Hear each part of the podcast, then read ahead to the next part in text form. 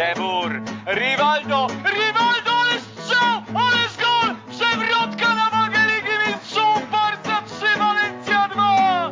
Szewczenko czy Dudek nie patrzy na Polaka Szewczenko, Szewczenko broni Dudek! Puchar Europy dla Liverpoolu! I co? I to jest czerwona kartka dla Zinedina Zidana! Francja w dziesiątkę! Kiedyś to było. Dzień dobry, dzień dobry. Tak jest. Zaczynamy audycję z cyklu Kiedyś to było na antenie Weszło FM. Przed mikrofonem Kamil Kania. Kłaniam się Państwu i spieszę powitać Leszka Milewskiego z Weszło.com. Dzień dobry. Oraz Michała Kołkowskiego, również redaktora portalu Weszło. Cześć. Muszę powiedzieć Państwu, jak i Wam, panowie, że na ten program czekałem. Wspominać będziemy piłkarza, który, gdyby nie problemy zdrowotne, przede wszystkim z kolanami, mógłby być dzisiaj stawiany na równi z najlepszymi w historii tej dyscypliny. I tak udało mu się zostać jedną z najlepszych dziewiątek w historii futbolu. Luis Nazario de Lima, bo o nim mowa, urodził się we wrześniu 1976 roku w Rio de Janeiro. Jako dwunastolatek zaczął od futsalu, a jego strzeleckie osiągnięcia w tej dyscyplinie przeszły do legendy. A niedługo później trafił pod opiekę Jairzinho do Sao Cristóvão, błyskawicznie przyciągnął uwagę większych klubów i trafił do Cruzeiro. W 47 spotkaniach zdobył 44 bramki.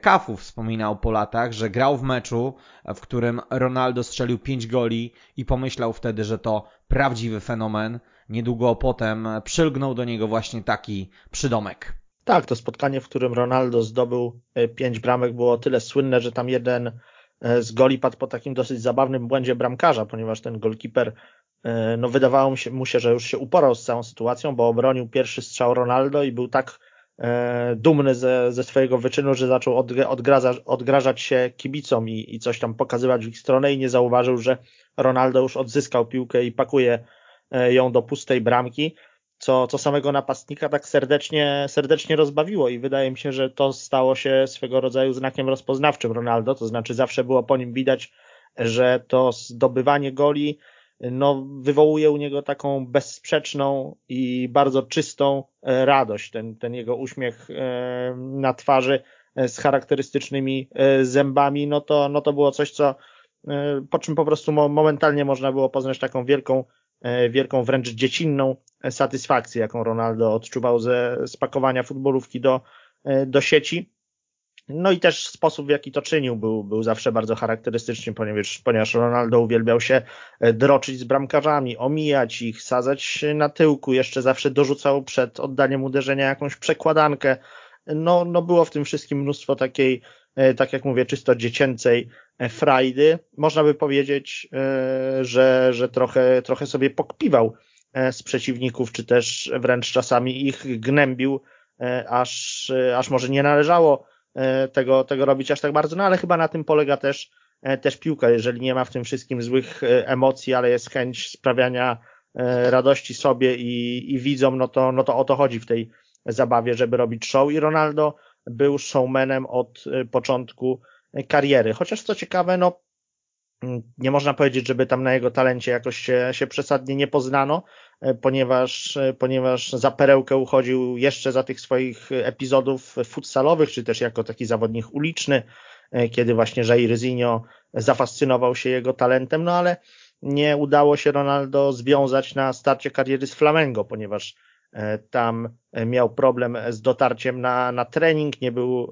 sobie w stanie załatwić transportu, spóźnił się na autobus, no i koniec końców nie pojawił się na, o wyznaczonej porze podczas zajęć. Klub uznał tę, że, że po prostu zawodnik no, nie nadaje się do profesjonalnej piłki z takim podejściem, jeżeli na tak ważny dla siebie trening jest spóźniony. No w Cruzeiro nie mieli takich wątpliwości i zdecydowanie, zdecydowanie można powiedzieć, że, że trafili z podpisaniem kontraktu z Ronaldo. On już podczas jednego z pierwszych takich tournée z tym klubem po Europie popisał się bardzo efektownym hat-trickiem na, w jednym z meczów z, z klubem portugalskim. Obserwowali to skauci FC Porto. Momentalnie w zasadzie działacze Smoków przedstawili ofertę za Ronaldo opiewającą na pół miliona euro, co w tamtym czasie za nastolatka no, z Brazylii to było olbrzymie olbrzymie pieniądze, ale, ale działacze Cruzeiro naturalnie e, nie byli zainteresowani, wiedzieli, że e, lada moment za Ronaldo zarobią e, wielokrotnie większe pieniądze. No po prostu było czuć, że to jest gracz szyty na miarę wielkich, wielkich sukcesów i że, że może być spadkobiercą tych wspaniałych tradycji brazylijskiej, brazylijskiej piłki, zwłaszcza jeżeli chodzi o ofensywę. Ciekawe jest dla mnie w tych początkach, generalnie zawsze fascynują mnie początki wielkich, e, wielkich piłkarzy, no bo od pewnego momentu, gdy już masz zbudowaną markę, to wszystko jakoś łatwiej się zaczyna układać, ale taka geneza tego talentu, to jest często coś fascynującego. Mamy różne mm, przykłady osób, które szukają właśnie, co stanowi ten złoty składnik. Była o tym książka Rasmusa Ankersena, o poławiaczach talentów, czy też słynna teoria o 10 tysiącach godzin spędzonych przy dowolnej umiejętności, żeby posiąść jej mistrzostwo. I pod tym względem te początki Ronaldo są niezwykle nieoczywiste i to też może nam zmienić troszeczkę postrzeganie. Przede wszystkim myślę, że e, no trzeba powiedzieć, no na przykład bardzo niewychowawcze byłoby postawienie Ronaldo jako wzorca wszystkim młodym piłkarzom, ponieważ to jest chłopak, który w wieku 11 lat przestał chodzić do szkoły. Całkowicie zarzucił szkołę. Jego matka też już powiedziała, że no trudno, stało się, nie jest w stanie z nim walczyć, bo on po prostu od, od e, rana do wieczora gra w piłkę. Żaden rodzic nie poszedłby na taki układ, że słuchaj, dobrze, to ty sobie rzuć szkołę e, w piątej klasie podstawówki i tylko graj w piłkę. A Ronaldo tak właśnie robił. Od rana do wieczora, codziennie, tylko piłka, tylko piłka. Wiadomo, że w Brazylii na każdej ulicy, szczególnie w tamtych latach, było gdzie takie mecze stoczyć. Grał ze starszymi oczywiście, to też jest często podkreślane, że e, w wielu przypadkach tych wybitnych talentów piłkarskich gdzieś pojawia się ten schemat, że oto młody zawodnik trafia do starszej grupy.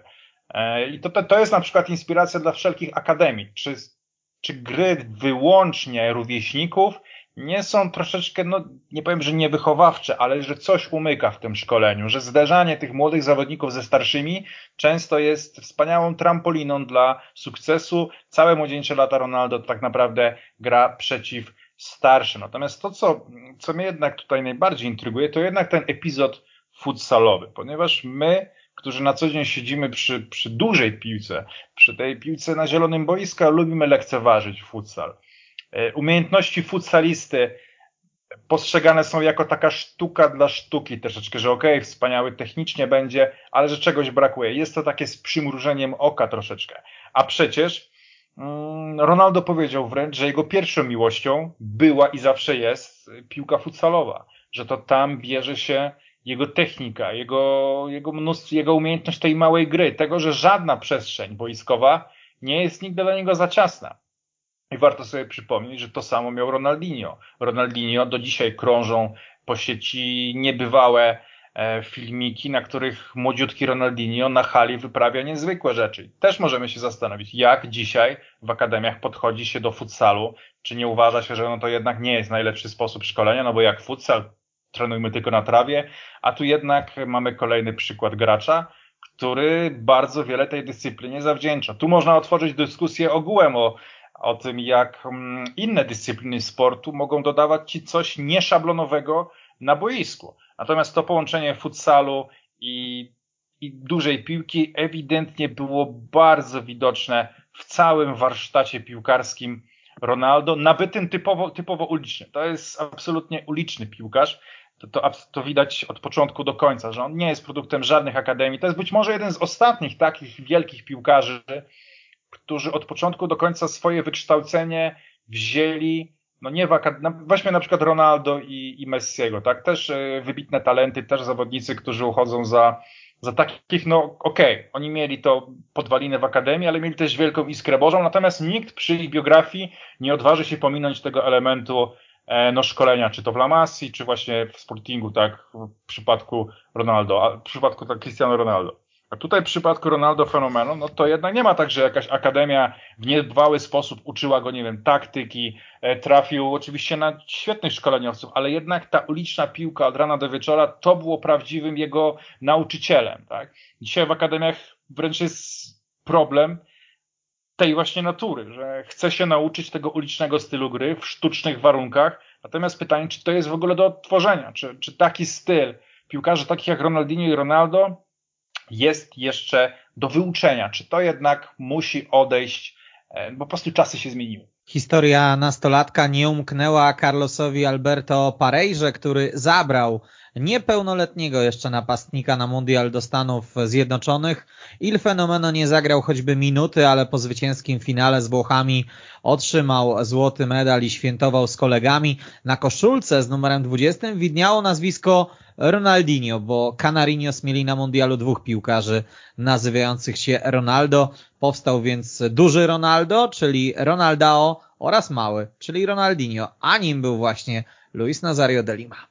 Tak, wracając jeszcze na moment do tego wątku futsalowego, to warto też zaznaczyć, że Ronaldo jakby chciał swoją przyszłość związać z futsalem i dopiero e, czy to rodzina, czy też e, trenerzy no, uświadomili mu, że e, ze swoją paletą umiejętności gigantycznym potencjałem po prostu byłoby gigantycznym marnotrawstwem jakby opcji finansowych, jakie przed nim stoją, jeżeli zwiąże się z futsalem, no bo e, to jest sport, który można uprawiać e, na poziomie profesjonalnym, ale na bez, za bez porównania mniejsze pieniądze niż to, to jest przy piłce trawiastej, tej, o którą się tutaj interesujemy i pasjonujemy. No i jeszcze takim symbolem tego, w jakich innych czasach Ronaldo debiutował w zawodowej piłce. Jest to, że kiedy otrzymał szansę pierwszego swojego występu, oczywiście nie, mecz nie był transmitowany w telewizji, ale była transmisja radiowa i e, ojciec Ronaldo no za wszelką cenę chciał e, chciał odsłuchać e, właśnie sprawozdania z tego meczu, ale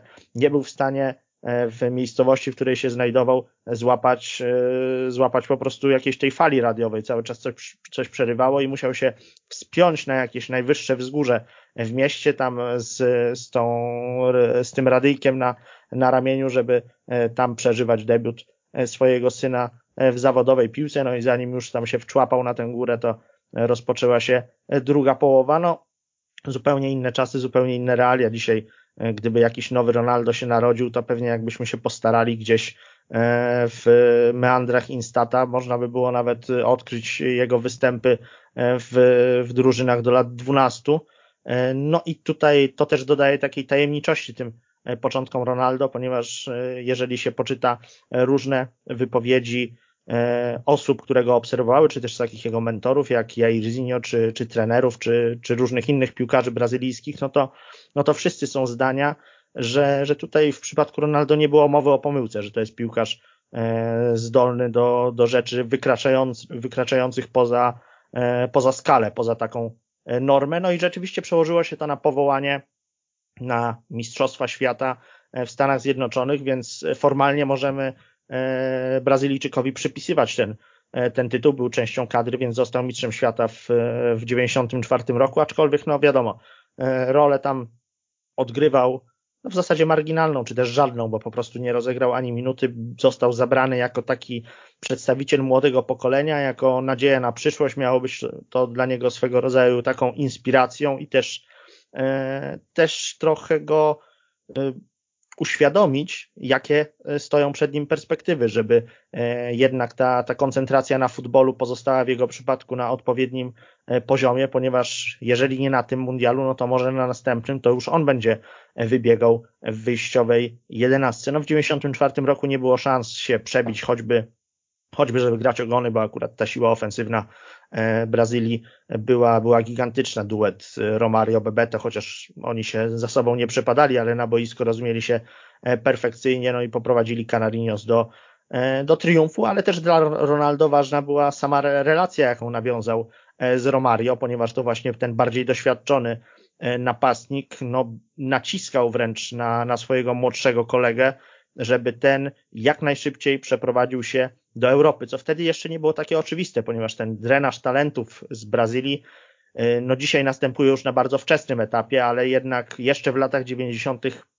był taki e, zwyczaj, czy tak się przyjęło, no żeby dany zawodnik, nawet wielce utalentowany, kilka tych sezonów w brazylijskiej ekstraklasie rozegrał, okrzep sobie zanim, e, zanim przetransferuje się na stary kontynent. Tak było w przypadku wielu, wielu gwiazd Canarinos, no a Ronaldo tak naprawdę za dużo sobie w ojczyźnie nie pograł, a już, e, a już zdecydował się na transfer. Trzeba też pamiętać, że wówczas były znacznie ściślejsze limity wobec zawodników zagranicznych w topowych ligach. W najlepszych ligach Europy można było mieć tylko trzech zawodników, e, najpierw w ogóle z zagranicy, później spoza Unii, w swoim składzie. To też skłaniało prezesów i trenerów do tego, by sprowadzać do swoich drużyn gotowe produkty. Mm, piłkarzy już ukształtowanych, piłkarzy, którzy dadzą tu i teraz jakość. Nikt nie miał czasu wychowywać wtedy e, obcokrajowców. To, to też my też tego doświadczyliśmy, bo jak się spojrzy, jacy piłkarze wyjeżdżali z Polski w latach 90., to w zdecydowanej mierze byli to piłkarze, którzy mieli dać coś tu i teraz. I pod tym względem Ronaldo, tak jak słusznie zauważył Michał, jawi się jako jeszcze bardziej niezwykły transfer. Dziś tak naprawdę wydaje nam się to, to co powiedział Michał, oczywiste, młody Brazylijczyk od razu wyjeżdża na podbój świata. Wtedy sama Liga Brazylijska, przez ten, że ten drenaż był dużo mniejszy, była dużo bardziej konkurencyjna. Wielu zawodników, którzy w dzisiejszych realiach błyskawicznie odjechałoby za pieniędzmi do mocniejszych klubów Europy i nie tylko, wówczas po prostu tam zostawało. To była niezwykle mocna liga, nie powiem, że nie będę używał jakichś takich określeń, że szósta liga świata, ale myślę, że na pewno była w dziesiątce najlepszych lig e, globu. Ronaldo już wtedy, mając 16 lat, robiąc coś takiego e, w tamtej lidze, strzelając no, 40, ponad 40 bramek, coś, coś, coś niebywałego. A jeśli chodzi o sam mundial, to trzeba pamiętać, że określenie młodego piłkarza wówczas było inne. Drugi najmłodszy zawodnik, kadry Brazylii w 1994 roku to był Cafu, który miał 24 lata. Między drugim najmłodszym zawodnikiem a Ronaldo było więc aż 7 lat różnicy. To znowu pokazuje, jak niezwykłym przypadkiem był Ronaldo. Ronaldo był jeszcze w jednej kadrze z zawodnikiem Gilmarem, który był z rocznika 59. To naprawdę były inne czasy. Wtedy przebić się 17-latkowi nieporównywalnie trudniej. Tak naprawdę wówczas w futbolu patrzono przede wszystkim na to, co prezentujesz tu i teraz, nie na potencjał. Dzisiaj tak naprawdę wyznacznikiem miary wartości pewnej piłkarza jest jego potencjał. Wtedy patrzono konkretnie na umiejętności, ale Ronaldo i tak już tym się bronił.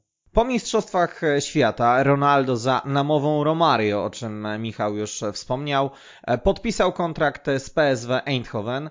Holendrzy zdecydowali się podjąć to ryzyko, o którym mówił Leszek. Mieli świetne wspomnienia z występów Romario, więc podjęli się sprowadzenia nastolatka do Europy. Luis Nazario de Lima prezentował się znakomicie. W dwóch sezonach zdobył 54 bramki w 57 spotkaniach to daje prawie jednego gola na jeden mecz. Jego występami zachwycał się m.in. Rudi Weller, którego Bayer Leverkusen przyjął od Ronaldo trzy gole w Pucharze UEFA. Co ciekawe, pomimo znakomitych liczb napastnika, PSW nie potrafiło zdetronizować Ajaxu w lidze, więc na pocieszenie Brazylijczykowi pozostał Puchar Holandii i tytuł Króla Strzelców Eredivisie. E, rzeczywiście, rzeczywiście ten transfer e, okazał się tak z indywidualnego e, punktu widzenia, jeżeli chodzi o występy Ronaldo. Strzałem w dziesiątkę, ponieważ Liga Holenderska w zasadzie do dzisiaj słynie jako takie rozgrywki bardzo przyjazne napastnikom. To są, to jest liga nastawiona bardzo mocno na futbol techniczny, ofensywny, to jest truizm, co, co w tej chwili mówię, no i dla tego młodziutkiego Ronaldo, jeszcze nastoletniego, akurat takie taki teren, akurat takie rozgrywki, no były po prostu wymarzone, żeby trochę otrzaskać się e, z europejską, e, z europejskim stylem grania w taki sposób bardzo płynny. To znaczy, no w tej, można powiedzieć, że, że jeżeli chodzi o to podejście do, do takiej ofensywnej gry, no to, no to Holandia miała coś wspólnego E, z Brazylią. No, być może nawet e, był trochę, trochę łagodniej defensorzy holenderscy traktowali e, napastników niż ci z kraju kawy, więc tym bardziej ta, ta przeprowadzka w przypadku Ronaldo przebiegła, przebiegła gładko. No i jego wyniki strzeleckie mówią same za siebie. Oczywiście można tutaj i zauważyć, że, że nie przełożyło się to na wielkie sukcesy drużynowe. No, z jednej strony trudno było Ajax wtedy zdetronizować, biorąc pod uwagę skalę potencjału tkwiącą w tym klubie, aczkolwiek ekipa z Eindhoven też e, no miała kim grać, bo poza Ronaldo tam, tam byli Luke Niels, e, słynny belgijski zawodnik i jeszcze paru innych równie, równie znakomitych Stan Wals, Bodo Zenden wtedy też rozkręcał swoją karierę. Jan Wouters, również bardzo doświadczony Holender. No, takich paru, paru cenionych graczy na pewno moglibyśmy wyliczyć, ale nie była to ta sama skala ogólnego potencjału, co w przypadku Ajaxu. No na pewno w Eindhoven mieli jedną podstawową obawę, to znaczy jak Ronaldo będzie się sprawował, jeżeli chodzi o e, kwestie e, no takie obyczajowe powiedziałbym to, ponieważ Romario również był gwarantem goli, natomiast był też utrapieniem dla trenerów, e, cały czas domagał się zwolnień, żeby podróżować do, do Brazylii, do swojego ukochanego Rio de Janeiro i tam oddawał się E, życiu towarzyskiemu w e, sposób no, dalece wykraczający poza e, ramy profesjonalizmu. No, Ronaldo okazał się trochę mimo wszystko łatwiejszy do, do okiełznania, chociaż też można powiedzieć miał swoje za uszami, no ale nie do tego stopnia, co, co jego starszy poprzednik, który urządził sobie nawet w ogródku przydomowym plażę, żeby ona mu trochę bardziej przypominała te, te realia znane, znane z Brazylii. Generalnie e, też taką anegdotą, jeżeli chodzi o, o te, te wówczas relacje na linii Ajax-PSW, e, jest to, iż podobno no Ronaldo był także właśnie proponowany Ajaxowi, tylko tutaj veto postawił Louis van Hal, e, ponieważ żelazny tulipan dużo mocniej wierzył w potencjał Patryka Kluiverta i, i po prostu uciął te, te transferowe spekulacje. Nie chciał Brazylijczyka, był, był przekonany, że Kluivert E, bardziej pasuje do jego koncepcji takiego zespołowego futbolu. No i jako ten zawodnik wyrastający z lokalnego systemu szkolenia e, po prostu e, będzie bardziej przydatny. W jakimś sensie można przyznać Van Halowi rację, ponieważ Ajax z Kluivertem no, wygrał wszystko, więc cóż, cóż tu można mieć jeszcze jakieś zarzuty wobec, wobec drużyny z Amsterdamu. Natomiast no, muszę powiedzieć, że z pewną taką E, jest to takie, takie pytanie z cyklu co by było gdyby, które mnie bardzo interesuje, to znaczy jak ten Ajax z tą całą swoją gromadą niezwykle utalentowanych zawodników i z Van Halem Usteru, który był wtedy u szczytu swoich trenerskich mocy, e, można powiedzieć, no jak ten Ajax by wyglądał jeszcze, gdyby tam wsadzić Ronaldo e, na szpicę. Tego się już nie dowiemy, aczkolwiek no taka ciekawostka, która, która myślę, że jest jakoś inspirująca, ponieważ no, z jednej strony trudno sobie wyobrazić, żeby jakakolwiek drużyna mogła być słabsza, gdyby dołączyć do niej Ronaldo, ale e, z drugiej, no może ten Brazylijczyk aż tak by sobie, aż tak by zdominował grę ofensywną Ajaxu, e, że, że suma summarum nie wyszłoby to całemu zespołowi na zdrowie, no ale to już spekulacje. No ja się z kolei zastanawiam, czy na pewno Ronaldo byłby zadowolony z tego, że trafiłby na dzień dobry do Wangala. Wiadomo, że Wangal zawsze słynął z współpracy z młodzieżą, natomiast nie jest też tajemnicą, że po, potrzebował ją sobie w pewnym stopniu podporządkować. Tak? On umiał, umiał do nich dotrzeć, umiał zaszczepić im swoją wizję. Pytanie, czy z Ronaldo to byłoby tak proste, ponieważ no nie chcę powiedzieć, że to był zawodnik e, leniwy. Natomiast jest pewien polski akcent mm, z przygody Ronaldo w PSW, ponieważ wówczas piłkarzem tego klubu e, był również Piotr Matys, polski zawodnik, słynący z pamiętnej bramki strzelonej e, Fabienowi Bartezowi, no takim krzyżakiem z powietrza e, w meczu ŁKS Monaco.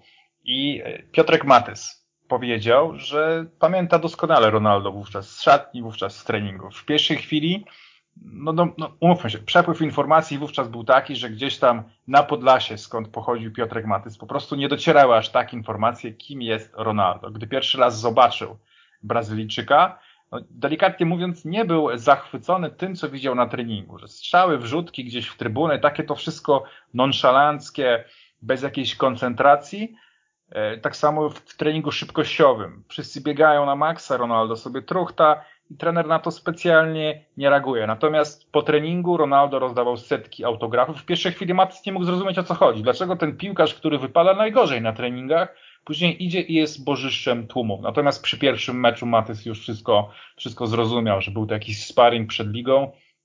No i cóż, no, y, Ronaldo wyglądał jak siła natury, a nie zawodnik. No to, więc myślę, że rzeczywiście Ronaldo nie był takim zawodnikiem pokroju Romario, który jedyne treningi, jakie robił w PSW, to był rowerek i to w zasadzie wszystko. Chyba, że akurat mu się chciało trenować, to wtedy sobie szedł na trening, ale nie wiem, czy e, Van Hala mógłby sobie pozwolić jednak na pewien, na pewien luz, na pewien fakt, że on trenuje w swoim tempie, na swoje 30-40% możliwości.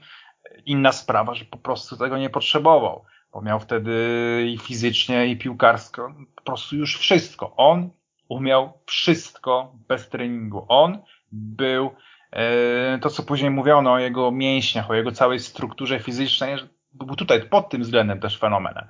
Także znowu jest tu pewien element niewychowawczy. Często się dzisiaj mówi w celach inspirujących, że nie, nie ma czegoś takiego jak talent, ale ważniejszy jest talent do pracy. E, I to wszystko jakoś działa nam na wyobraźnię, że wszystko jest w zasięgu. Natomiast to, co, co posiadał Ronaldo, było absolutnie poza zasięgiem kogokolwiek, ponieważ on w wieku 17 lat piłkarsko umiał wszystko i w wieku 17 lat fizycznie potrafił wszystko. Nie wiem, czy Van Halowi by się to spodobało, ponieważ mogłoby mu to zdestabilizować szatnię. Natomiast PSW wiedział, że jest to diament, w którym, któremu trzeba rozwinąć ten czerwony dywan i patrzeć, jak on będzie po nim kroczył. No i trzeba też zwrócić uwagę jeszcze na jedną rzecz, już taką mniej e, optymistyczną, że sezon 95-96, czyli drugi e, dla Ronaldo e, w Eindhoven, no to było tylko 13 meczów w lidze i 20, a 21 we wszystkich rozgrywkach. Oczywiście praktycznie w każdym spotkaniu Ronaldo trafiał do siatki, bo to jest charakterystyczne. W zasadzie cała pierwsza część jego kariery, ten pierwszy etap polega na tym, że Ronaldo zbliża się do średniej gola na mecz, niezwykle imponującej. E, no ale te rozgrywki 95-96, o których mówię, no już są po raz pierwszy naznaczone e, kontuzjami. Lekarze wtedy odkrywają ze zgrozą, że Brazylijczyk cierpi na tak zwaną chorobę Osguda Schlattera, to jest, e, jak się tutaj doczytałem, ponieważ ze mnie żaden medyk, zapalenie guzowatości kości piszczelowej, no wiele nam to nie mówi, ale niech powie jedno, że, że już wtedy doktorzy z holenderscy E, byli przekonani, iż jest to schorzenie przewlekłe. E, to znaczy, że cała kariera Ronaldo e, będzie naznaczona kontuzjami, a jego kolana należy już teraz, już na tak wczesnym etapie kariery tego dwudziestoletniego wtedy przecież zawodnika poddać dokładnej obserwacji i, i takiej bardzo troskliwej opiece. No i jak się okazało, rzeczywiście te, te problemy, te, te, te, diagnozy lekarskie nie były nie były przesadzone, nie, to nie były strachy na lachy, e, tylko już na tak, e, tak początkowym, tak mało zaawansowanym etapie kariery Ronaldo, kiedy on nie był jeszcze przecież wcale wyeksploatowanym zawodnikiem, ba, dopiero się rozkręcał, e, jego kolana pomalutku, pomalutku odczuwały trudy tej kariery. Tak, zdecydowanie to tylko dopowiem, bo to jak najbardziej Michał słusznie zauważył, że jeśli chodzi o Ronaldo, w takiej świadomości powszechnej i Ronaldo i kontuzje to jest zbitka, no tak, w Interze to się załamało, no co by było gdyby, a rzeczywiście te wątpliwości były dużo więcej, o czym na pewno teraz powiemy szerzej przy okazji choćby tego transferu do Barcelony, bo on jest naznaczony już tymi bardzo złożonymi, drobiazgowymi badaniami. Mam takie wrażenie, że te wielkie kluby trochę nawet zaślepione strzeleckimi wynikami Ronaldo, lekceważyły te badania i diagnozy z czasów holenderskich. Do negocjacji z PSW usiadły Barcelona i Inter. Katalończycy pobili światowy rekord transferowy, wykładając prawie 20 milionów dolarów. To właśnie na Camp Nou Ronaldo przeżył swój najlepszy okres w piłkarskim życiu. Był to raptem sezon, ale za to prawdziwie kosmiczny. 47 trafień w 49 meczach. Być może teraz po erze Leo Messiego i Cristiano Ronaldo nie robi to już takiego wrażenia, ale wówczas, proszę mi wierzyć, było czymś nieprawdopodobnym. W 1996 roku w wieku 20 lat Ronaldo został najmłodszym w historii laureatem nagrody dla najlepszego piłkarza roku FIFA. Barcelona z Ronaldo nie wygrała mistrzostwa, wręcz przeciwnie przegrała go, także z jego winy, ale zgarnęła podwójną koronę, triumfując w Pucharze Króla i Pucharze Zdobywców Pucharów. Indywidualnie Ronaldo, kiedy grał, zachwycał, kompletując chociażby trzy hat-triki w lidze przeciwko Walencji, Saragossie i Atletico, czy zdobywając piękne bramki jak tę przeciwko Composteli. E, to prawda. E, te, ten dorobek strzelecki Ronaldo, czyli 34 gole w 37 meczach ligowych, jeszcze dodatkowo okraszony przeszło dziesięcioma trafieniami w pozostałych turniejach, czy to, czy to krajowych, czy międzynarodowych. No on może właśnie nie robić dzisiaj aż takiego wrażenia, ponieważ Ronaldo i Messi, a także szereg innych zawodników nam współczesnych trochę, trochę wykrzywili percepcję na, na dawne strzeleckie osiągnięcia. No natomiast trzeba taką ogólną może jakąś refleksję tutaj przedstawić, że jeszcze w latach 90. za taki e, dla, dla napastnika uchodzącego za gwiazdę, no za całkiem solidny rezultat w sezonie ligowym, to uchodziło 15-18 trafień, a jak się udało przekroczyć 20 goli, no to już było wspaniale. To znaczy, że piłkarz ma ze sobą świetny sezon. Tymczasem Ronaldo no, wystrzelił e, z tym swoim dorobkiem na zupełnie inny poziom. No i, ale do tego przede wszystkim chodziło o to, w jakim stylu e, on to zrobił, ponieważ Ronaldo e, nie można go e, rozpatrywać tylko przez, przez pryzmat tych strzeleckich wyczynów, gdyż on był piłkarzem niejako dominującym na całym boisku.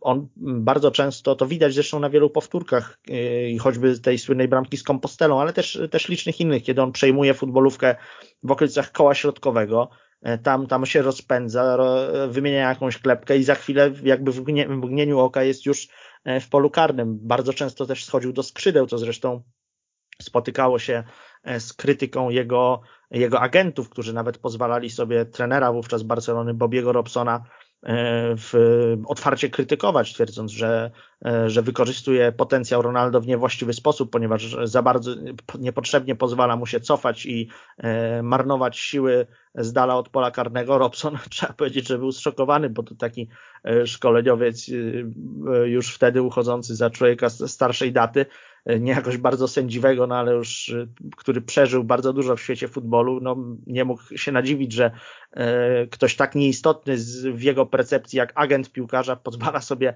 e, na to, żeby go publicznie krytykować i udzielać mu e, taktycznych wskazówek. Nie były to jeszcze czasy Mino Raioli, więc, więc takie ekscesy były szokujące, zwłaszcza dla ludzi pokroju, pokroju Robsona. Transfer do Barcelony Ronaldo no, trzeba rozpatrywać e, z jednej strony w kategoriach takiego nieprawdopodobnego e, sukcesu sportowego, ponieważ Brazylijczykowi na boisku wychodziło praktycznie wszystko, aczkolwiek no, miał on swoje, swoje rozmaite takie ciemniejsze, ciemniejsze strony, o których też trzeba, też trzeba powiedzieć. W ogóle rozstanie Ronaldo z PSV Eindhoven było E, nieprzyjemne, ponieważ Brazylijczyk zaczął trochę, trochę wymuszać transfer. Pokłócił się z trenerem Dickiem Adwokatem wtedy, e, nazwał go głupkiem nawet w wywiadzie e, dla, dla holenderskiej telewizji po tym, jak adwokat go posadził na ławce w finale Pucharu Holandii właśnie z takich przyczyn, powiedziałbym, no w ramach kary czy takiej nauczki dla, dla młodego zawodnika. No, no, takie, takie słowa wobec trenera w ustach młodego zawodnika świadczyły też o tym, że że pewna porcja wody sodowej pojawiła się, e, się w głowie Brazylijczyka.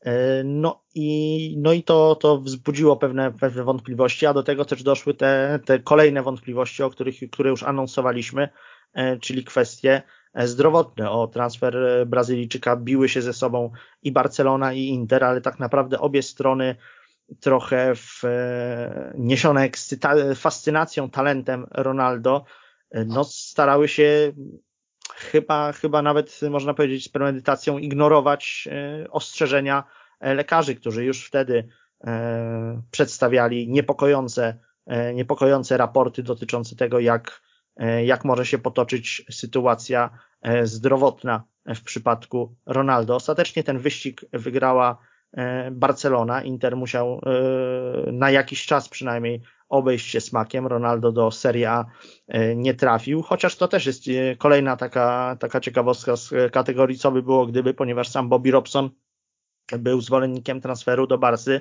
Alana Schirera, a nie, e, a nie Ronaldo. Ronaldo znajdował się na drugim miejscu na liście zainteresowań brytyjskiego szkoleniowca.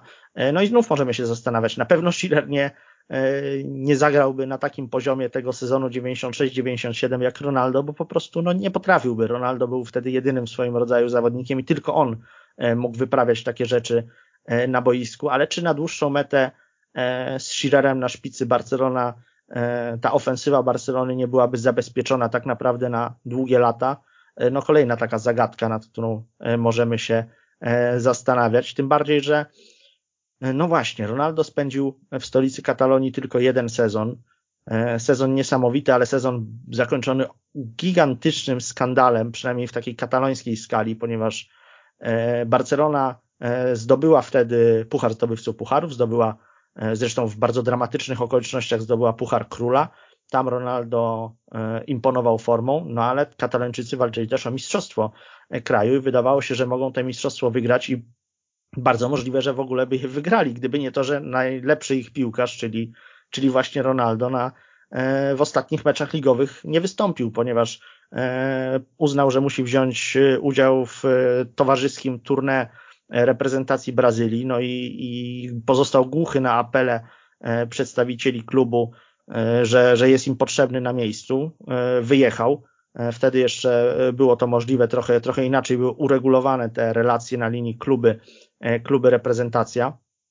Mm, no i Barcelona wyłożyła się na trzy kolejki przed końcem w starciu z Herkulesem Alicante, przegrała 2 do 1 i w efekcie mistrzostwo trafiło do Realu Madryt. Nie udało się podopiecznym Bobiego Robsona zgarnąć potrójnej korony, zdobyli ostatecznie E, zgromadzili 90 punktów, królewscy 92 e, oczka, więc gdyby e, to spotkanie z Herkulesem potoczyło się inaczej, gdyby tam Katalończycy zwyciężyli, no to mieliby tytuł mistrza Hiszpanii. Kibice Barcelony byli po prostu rozwścieczeni zachowaniem Ronaldo do tego stopnia, że gracza, po, który wyczyniał takie cuda wtedy na boiskach, nie wybrano nawet najlepszym zawodnikiem sezonu w Barcelonie. Ten tytuł dostał w sądzie przeprowadzonej przez e, jedną z gazet e, Luis Enrique. E, także, także tutaj ta, ta niechęć wobec Ronaldo była tak wielka, że, że, że nawet kibice przestali doceniać to, jak, jak wiele bramek zdobył i to, że udało się wywalczyć Puchar Zdobywców Pucharów i Puchar Króla. No, ta sytuacja ligowa przyćmiła wszystko.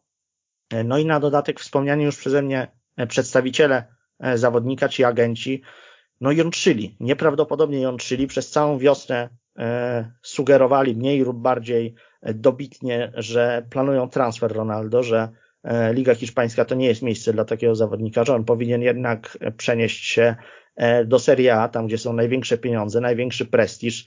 No i w efekcie z dzisiaj, jak sobie na to patrzymy, widzimy e, wspaniałe liczby, widzimy też trofea, widzimy sezon życia e, tak naprawdę Ronaldo, natomiast e, wtedy tak na bieżąco było wokół Brazylijczyka mnóstwo takiego, takiego smrodu, którego nie powinno być, ponieważ wydaje mi się, że no, kiedy zawodnik wznosi się na taki poziom, no to należałoby się koncentrować tylko na jego, na jego wyczynach boiskowych, tymczasem w tym przypadku E, narosło wokół Ronaldo mnóstwo kontrowersji, które ostatecznie zaowocowały tym, że w ekipie Dumy Katalonii spędził zaledwie jeden sezon, że to jest tylko epizod w jego karierze.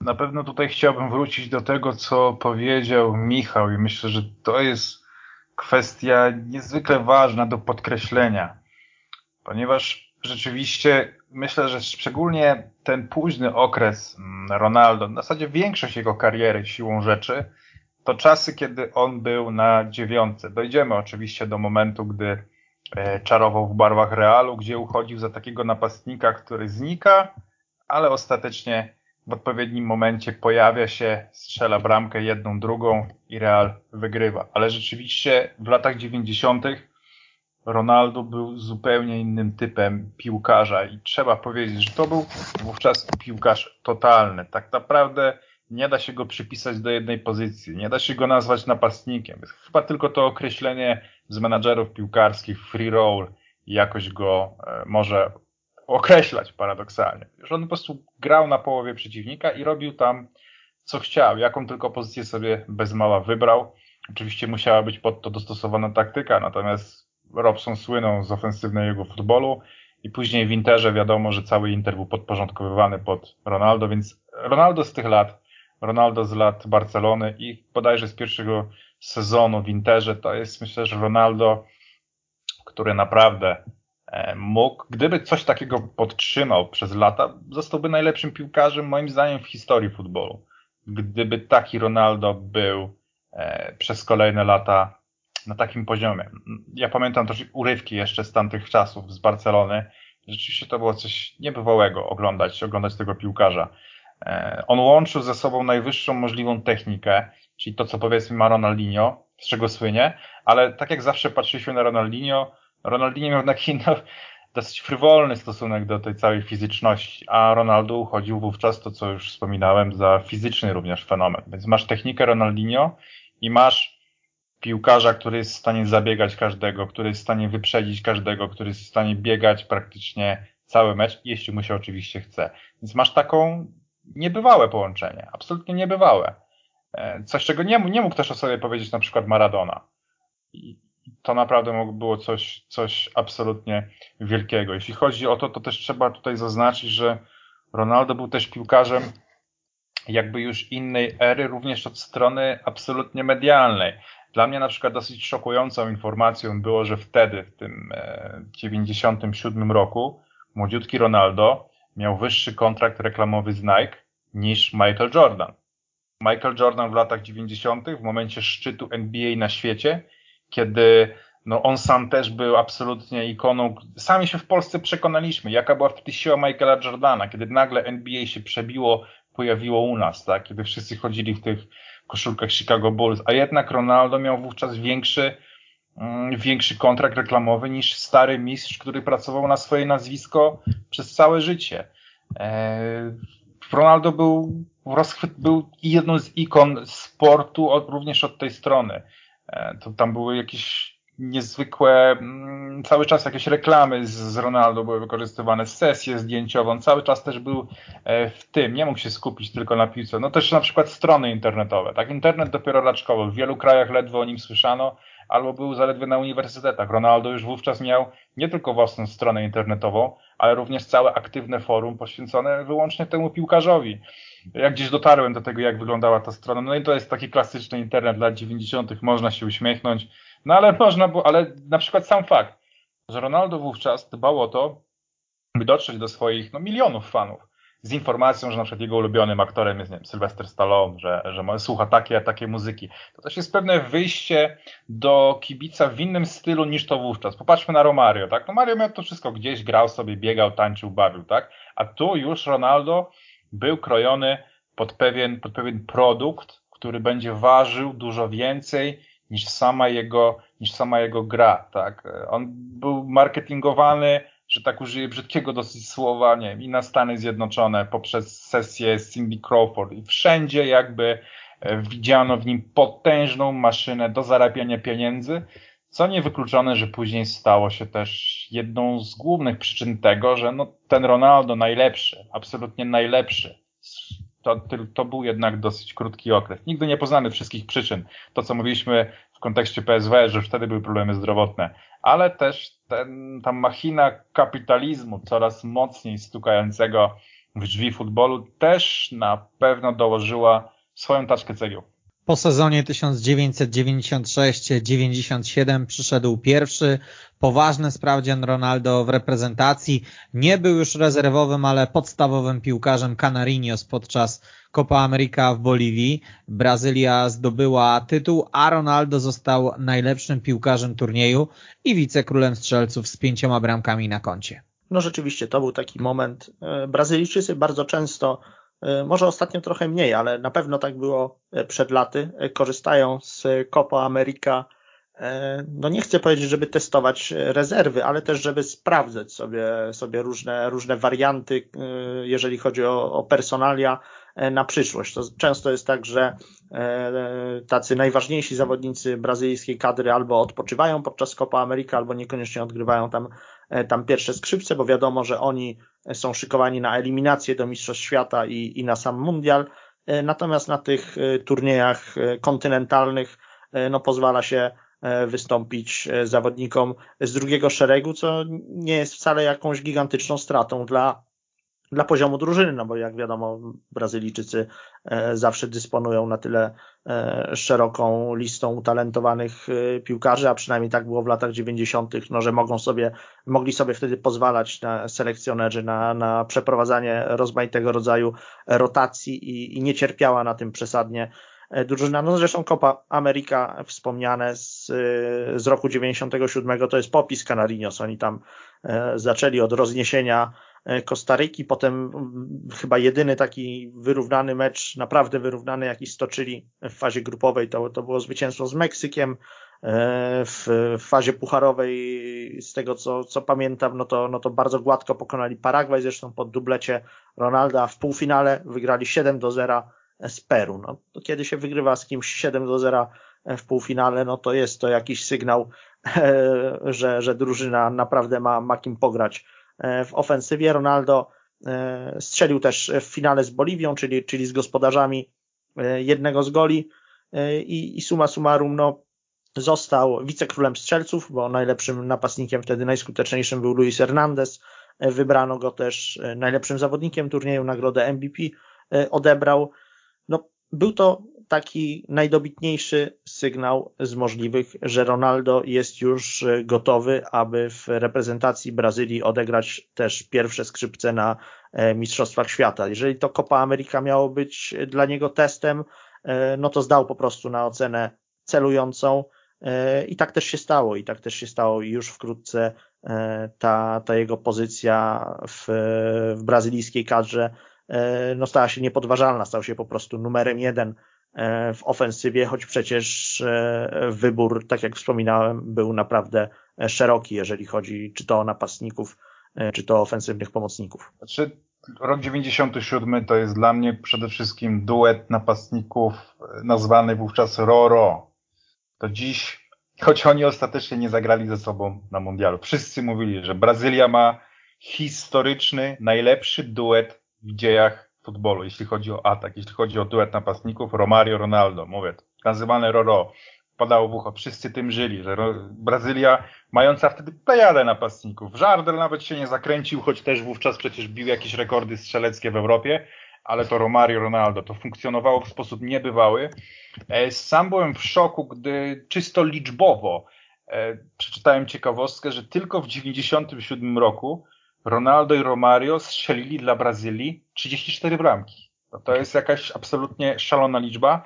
Inna sprawa, że Brazylia wtedy grała bardzo dużo meczów, e, ponieważ i Puchar Konfederacji się na to zbiera, i wspomniane Copa America, i no naprawdę dużo, dużo sparingów, bo było ich aż kilkanaście. No, wyjątkowo intensywny kalendarz, w którym rzeczywiście obaj grali bardzo dużo, świetnie się rozumieli ze sobą e, i ten duet też gdzieś przeszedł do historii, mimo tego, że tak naprawdę jedyne e, mecze, które oni grali, no to były mecze powiedzmy tej drugiej kategorii, a w historii powinien się zapisać jednak, jednak e, wielkimi turniejami. Także Romario Ronaldo, ten duet bardzo miał niebanalną historię, skazany na wielkość, wyłączona wtyczka ostatecznie temu tej dwójce przed finałami, ale i tak ten 97 rok to było zdecydowanie ich królestwo.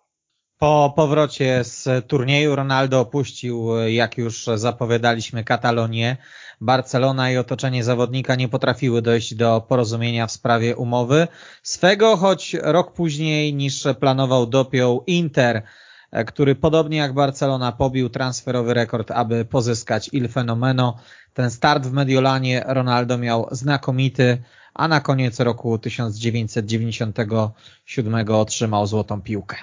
No tak, to wszystko się odbyło, to przejście Ronaldo do, do Interu w atmosferze, tak jak wspominałem, takiej trochę zdrady e, Brazylijczyka, e, ponieważ e, on, e, no, prezydent klubu, e, to był chyba wtedy Josep Nunes, w jednym z wywiadów powiedział, że Ronaldo jest e, nasz na zawsze, że zostanie w Barcelonie na E, na długie lata, no stwierdził, że na wieki, ale po prostu chodziło o to, e, to miał być taki sygnał, że strony są już dogadane w kwestii przedłużenia kontraktu, że to będzie umowa znacznie korzystniejsza dla Ronaldo, tak żeby zadowolić i żądania jego i tej całej e, rzeszy tak zwanych partnerów biznesowych, jak to sam Brazylijczyk określał, czyli po prostu ich agentów, którzy otaczali go wtedy taką ciasną siecią i, i trochę sterowali ruchami Brazylijczyka. E, no, no, ten komunikat prezydenta Barcy był jasny, to znaczy jesteśmy, e, jesteśmy, doszliśmy do porozumienia, Ronaldo zostaje, e, wokół niego budujemy drużynę na, na wieki, na, na lata i wracamy na szczyt razem, razem z Brazylijczykiem. Tymczasem już nie wiem, czy tam następnego dnia, czy kilka dni później ten sam Nunes musiał już w mediach przyznać, że to koniec, że Ronaldo odchodzi do Interu. No, tworzyło to bardzo nieprzyjemną mm, atmosferę, natomiast też jeszcze bardziej potęgowało cały hałas, hałas, jaki się wokół Brazylijczyka wytworzył, bo przecież dobrze wiemy, że e, nic tak dobrze w sezonie ogórkowym zwłaszcza nie działa na podbudowanie zainteresowania danym piłkarzem, jak e, taka porządna drama e, transferowa, która się rozgrywa na oczach świata. No i tak było w przypadku Ronaldo, a że był on obiektem no wręcz obsesji działaczy Interu Mediolan na czele oczywiście z prezydentem Massimo Morattim, no to, no to Mediolańczycy poszli, poszli w bank, pobili po prostu rekord transferowy za, za Brazylijczyka i ściągnęli go do siebie, mimo że e, dysponowali już wtedy, tak jak wspominałem, pewnymi ostrzegawczymi e, sygnałami, e, że Ronaldo może nawet prędzej niż później rozsypać się zdrowotnie i że ta jego gra w bardzo dużej mierze oparta na przyspieszeniach, bo przecież to, jakie miał Ronaldo odejście, e, wygląda czasami jak e, kadry z gry komputerowej, e, kiedy, kiedy jakby dysponował jakimś turbodoładowaniem. No, obrońcy zostają, zostają w tyle, jak gdyby im buta zassało w błocie. Tymczasem Tymczasem Ronaldo po prostu tak, tak potrafił odjechać na, na paru metrach, no i obciążał tym samym te, te swoje nieszczęsne kolana coraz, coraz bardziej.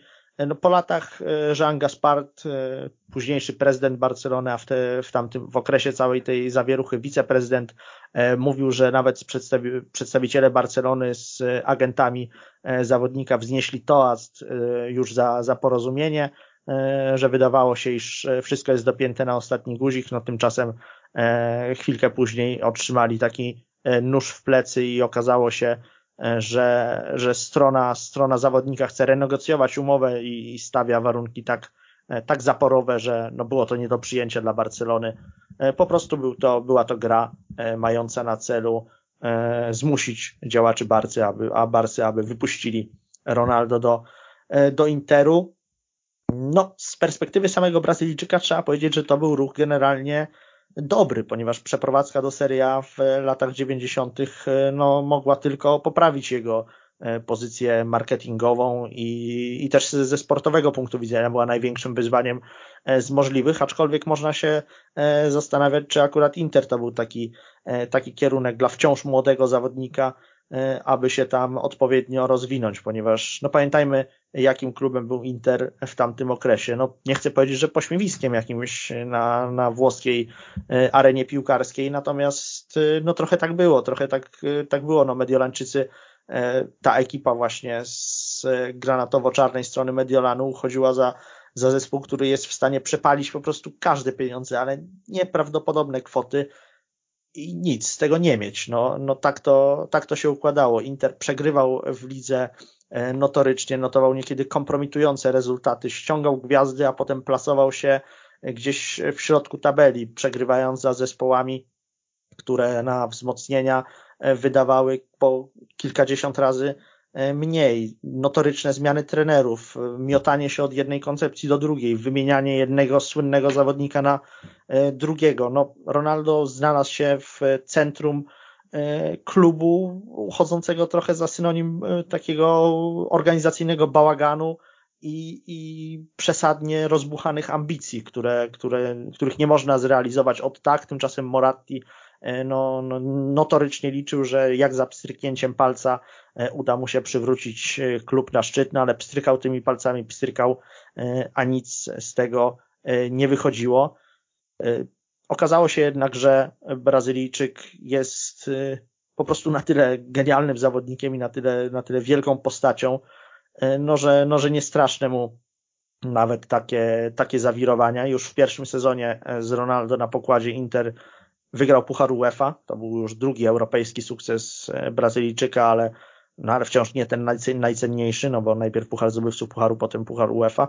E, no i Mediolańczycy zajęli drugie miejsce w lidze, dosłownie ocierając się e, wtedy o, o Mistrzostwo Włoch. Mieli bardzo, bardzo kiepski finisz sezonu, który tam o ich ostatecznej klęsce w rywalizacji z Juventusem zadecydowała 31 kolejka na 34, jakie wtedy rozgrywano w Serie A, kiedy e, Stara Dama wygrała z Interem 1 e, do 0 w bardzo kontrowersyjnych okolicznościach. Ten mecz się niesłychanie e, takim gromkim echem odbił we, we włoskich mediach. Oskarżano e, wtedy Juve po prostu sędziego, e, który prowadził te zawody, pan Piero Cicciarini, o skręcenie Interu.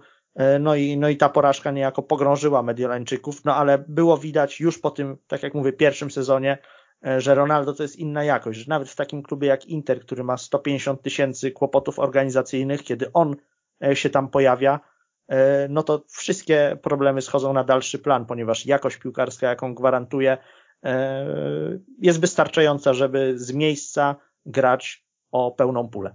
Inter lat 90., to co powiedział Michał, że to było trochę takie pośmiewisko.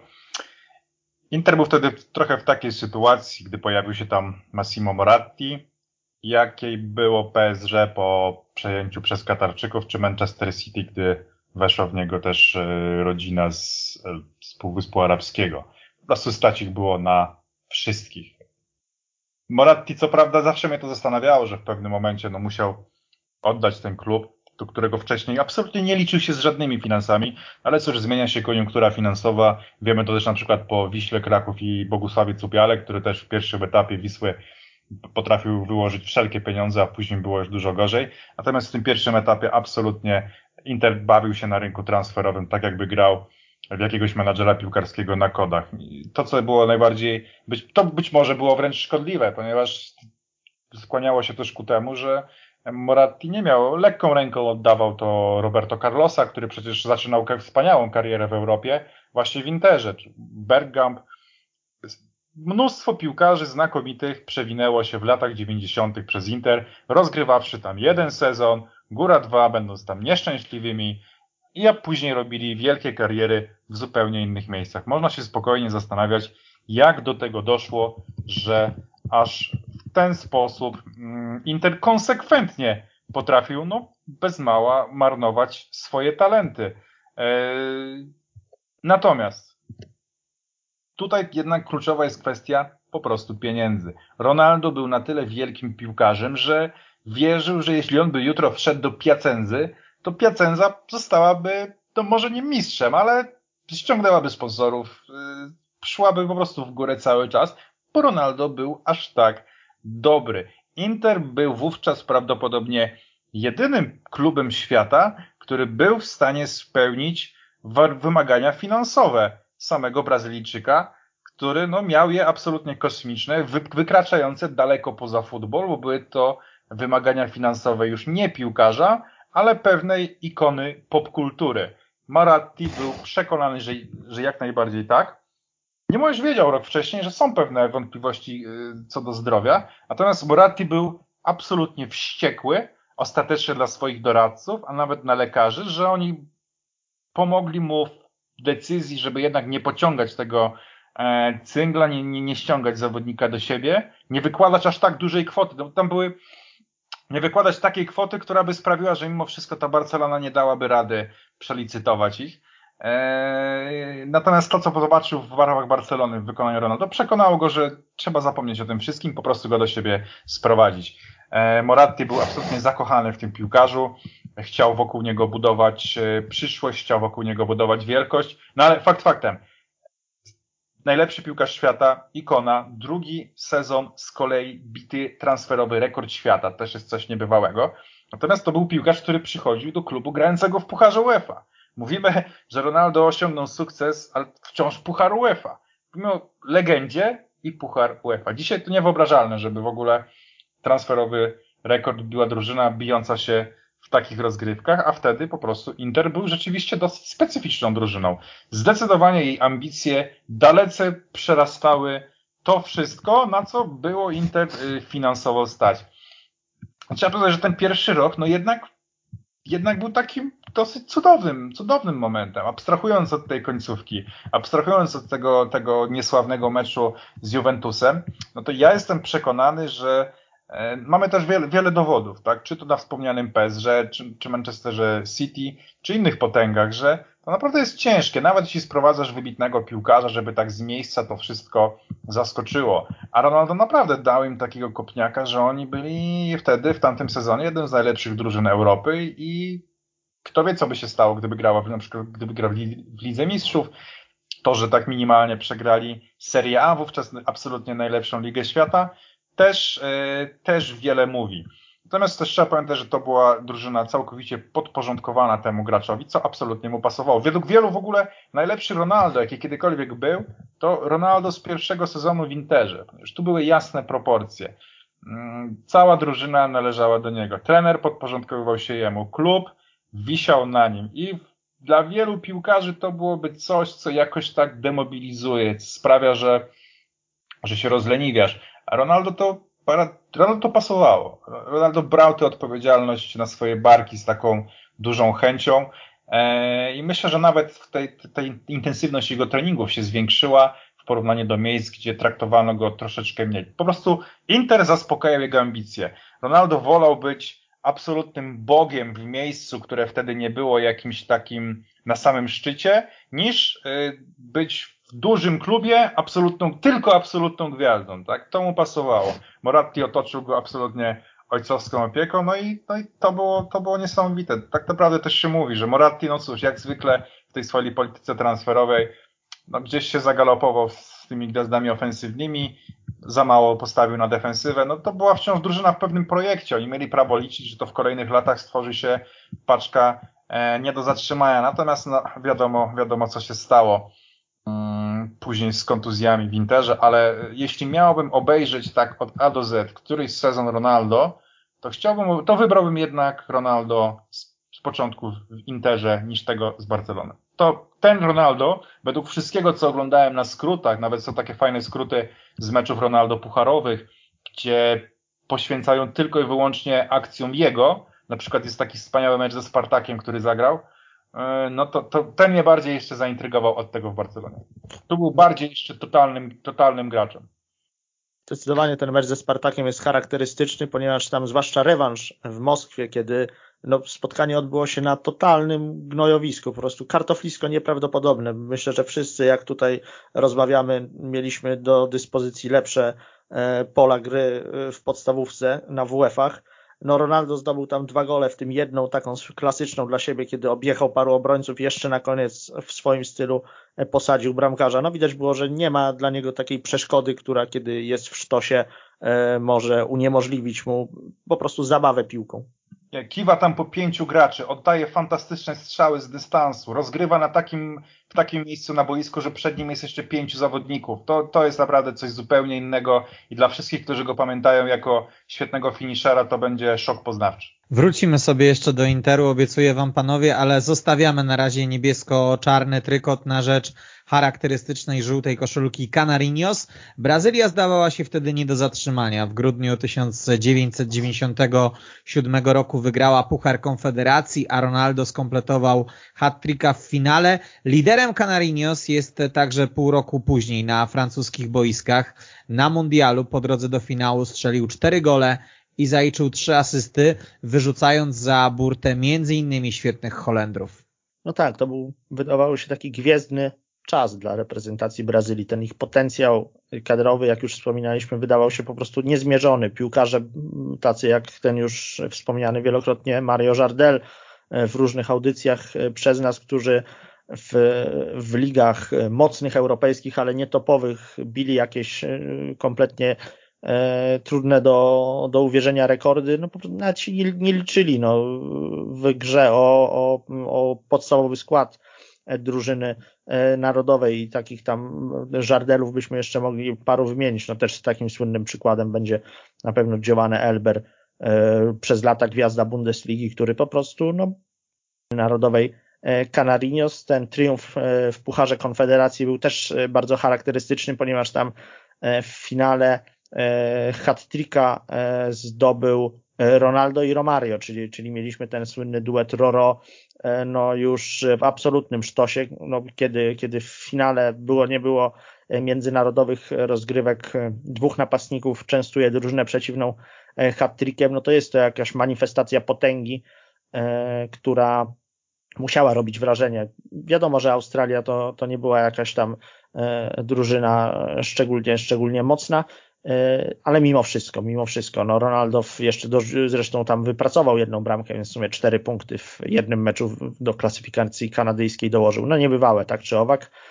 No i te mistrzostwa świata to miała być po prostu wisienka na torcie, obronienie tytułu i, i ostatecznie, ostateczne zasygnalizowanie, kto rządzi w piłkarskim świecie. Jeżeli chodzi o Ronaldo, to turniej zaczął się tak powiedzmy dosyć spokojnie, ponieważ w fazie grupowej on zdobył tylko jednego gola z Marokiem w, w drugim meczu, o ile, o ile pamiętam. Na pewno nie strzelił ze Szkocją, no i też nie z Norwegią, bo tam Brazylia e, przegrała, ale to było ostatnie spotkanie, więc mogli sobie Canarinos na takie coś e, pozwolić, no ale faza pucharowa to już jest zupełnie inny temat. To, jest, e, to są dwa gole Ronaldo z Chile, to są dwie wypracowane bramki Ronaldo z Danią, no i wreszcie ten można powiedzieć kultowy mecz z reprezentacją Holandii, która również wtedy była na tamtym turnieju fantastycznie dysponowana i, e, i kolejne trafienie, e, kolejne trafienie Ronaldo. E, aczkolwiek odpowiedział mu wtedy Patrick Kluivert golem dla, dla pomarańczowych, więc można powiedzieć, że ten taki korespondencyjny pojedynek tych dwóch super talentów, niejako zainicjowany wypowiedzią Luisa Van Hala, tutaj potrwał jeszcze do, do mundialu w 98 roku. No w rzutach karnych Patrick Kluivert E, nie pamiętam, czy on jeszcze wtedy był na boisku, no, ale na pewno nie strzelał. Natomiast Ronaldo podszedł do e, pierwszej jedenastki, jaką Brazylijczycy mieli do wykonania i, e, i był skuteczny. Podobnie zresztą jak wszyscy jego koledzy. Tam mylili się wtedy Filip Koku po stronie holenderskiej i, i chyba Ronald Deber albo Frank Deber. Jeden z tychże. No tak czy owak Brazylijczycy ja nawet nie pamiętam, czy oni mogli uchodzić wtedy za faworytów już tak, że tak powiem, w trybie całego samego turnieju tego starcia z Holandią, bo wydaje mi się, że o ile tak ogólnie byli, byli głównymi kandydatami do złota, to już podczas samych mistrzostw chyba nawet trochę lepsze wrażenie e, mogli pozostawiać e, pomarańczowi. To może do rozstrzygnięcia e, dla osób, które lepiej pamiętają tamte czasy, może Leszek ma, ma jakichś więcej wspomnień z mundialu we Francji zachowanych. E, no tym niemniej awans do finału Brazylijczyków, no brakowało tylko jednego kroku. E, brakowało tylko, e, tylko, tylko tego, żeby, żeby pokonać w tym decydującym starciu gospodarzy. No i Ronaldo, ten, który wchodził do kadry tak trochę po cichu, ale już z pewnym przytupem w 94 roku, teraz miał być tym, który pod nieobecność już Romario przypieczętuje E, dominację Canarinos na, na światowych boiskach, aczkolwiek e, jak e, wiemy, zupełnie inaczej to wszystko wypadło i tak naprawdę ten, w, w tym finale narodziła się legenda innego zawodnika, równie wybitnego, bo Zinedina Zidana. Mhm, no tak, przede wszystkim jednak ten finał mi się zawsze kojarzy no, z tym dosyć dramatycznym momentem, czyli z sytuacją, kiedy kilka, kilka, tak naprawdę godzinę przed finałem wszyscy dziennikarze otrzymali kartkę ze składem, na której nie było Ronaldo w ogóle.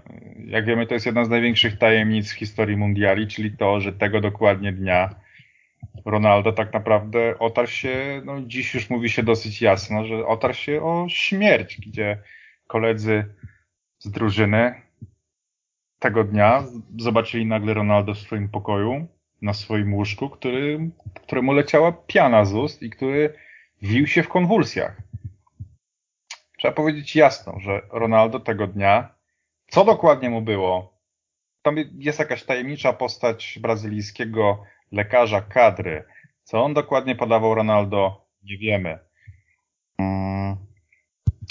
Nie wiemy dokładnie. Natomiast no, nie chciałbym tutaj sugerować, że jakiekolwiek sukcesy Ronaldo są zasługą lekarzy, no bo wszyscy wiemy doskonale, że to nie jest prawda, skoro to piłkarz, który od 16 roku życia wyczyniał na boisku e, cuda. Natomiast lekarz Lidio Toledo jest trochę podejrzaną postacią w tej, w tej historii. Tam nie do końca rozpoznali, co dokładnie było, e, było Ronaldo. Natomiast nawet jeśli to, czy to było jak oni tam sugerowali, że to jakaś epilepsja, że to coś jeszcze innego. Natomiast no, ostatecznie była duża presja, żeby on jednak w tym meczu zagrał. Co prawda Nike bardzo szybko się od, odcinało od tego, że to oni wykupowali jakikolwiek nacisk. No ale cóż, mi się to przypomina troszeczkę sytuacja z Maradoną i 94 rokiem, kiedy Mamy mundial w Stanach Zjednoczonych, gdzie przeciętny Amerykanin nie interesuje się piłką, ale przeciętny Amerykanin doskonale zna Maradonę, bo wtedy znali go wszyscy. To on był wtedy największą piłkarską ikoną, to on był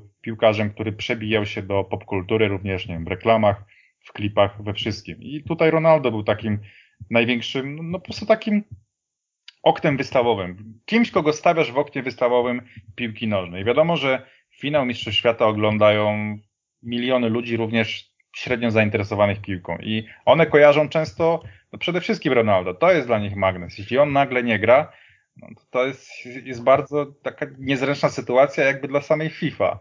E, więc on musiał zagrać w tym meczu, chociaż absolutnie się w tym meczu no, nie powinien nigdy, nigdy pojawić. I, I naprawdę to się mogło skończyć wtedy no, sytuacją absolutnie, absolutnie tragiczną. Możemy się tylko cieszyć.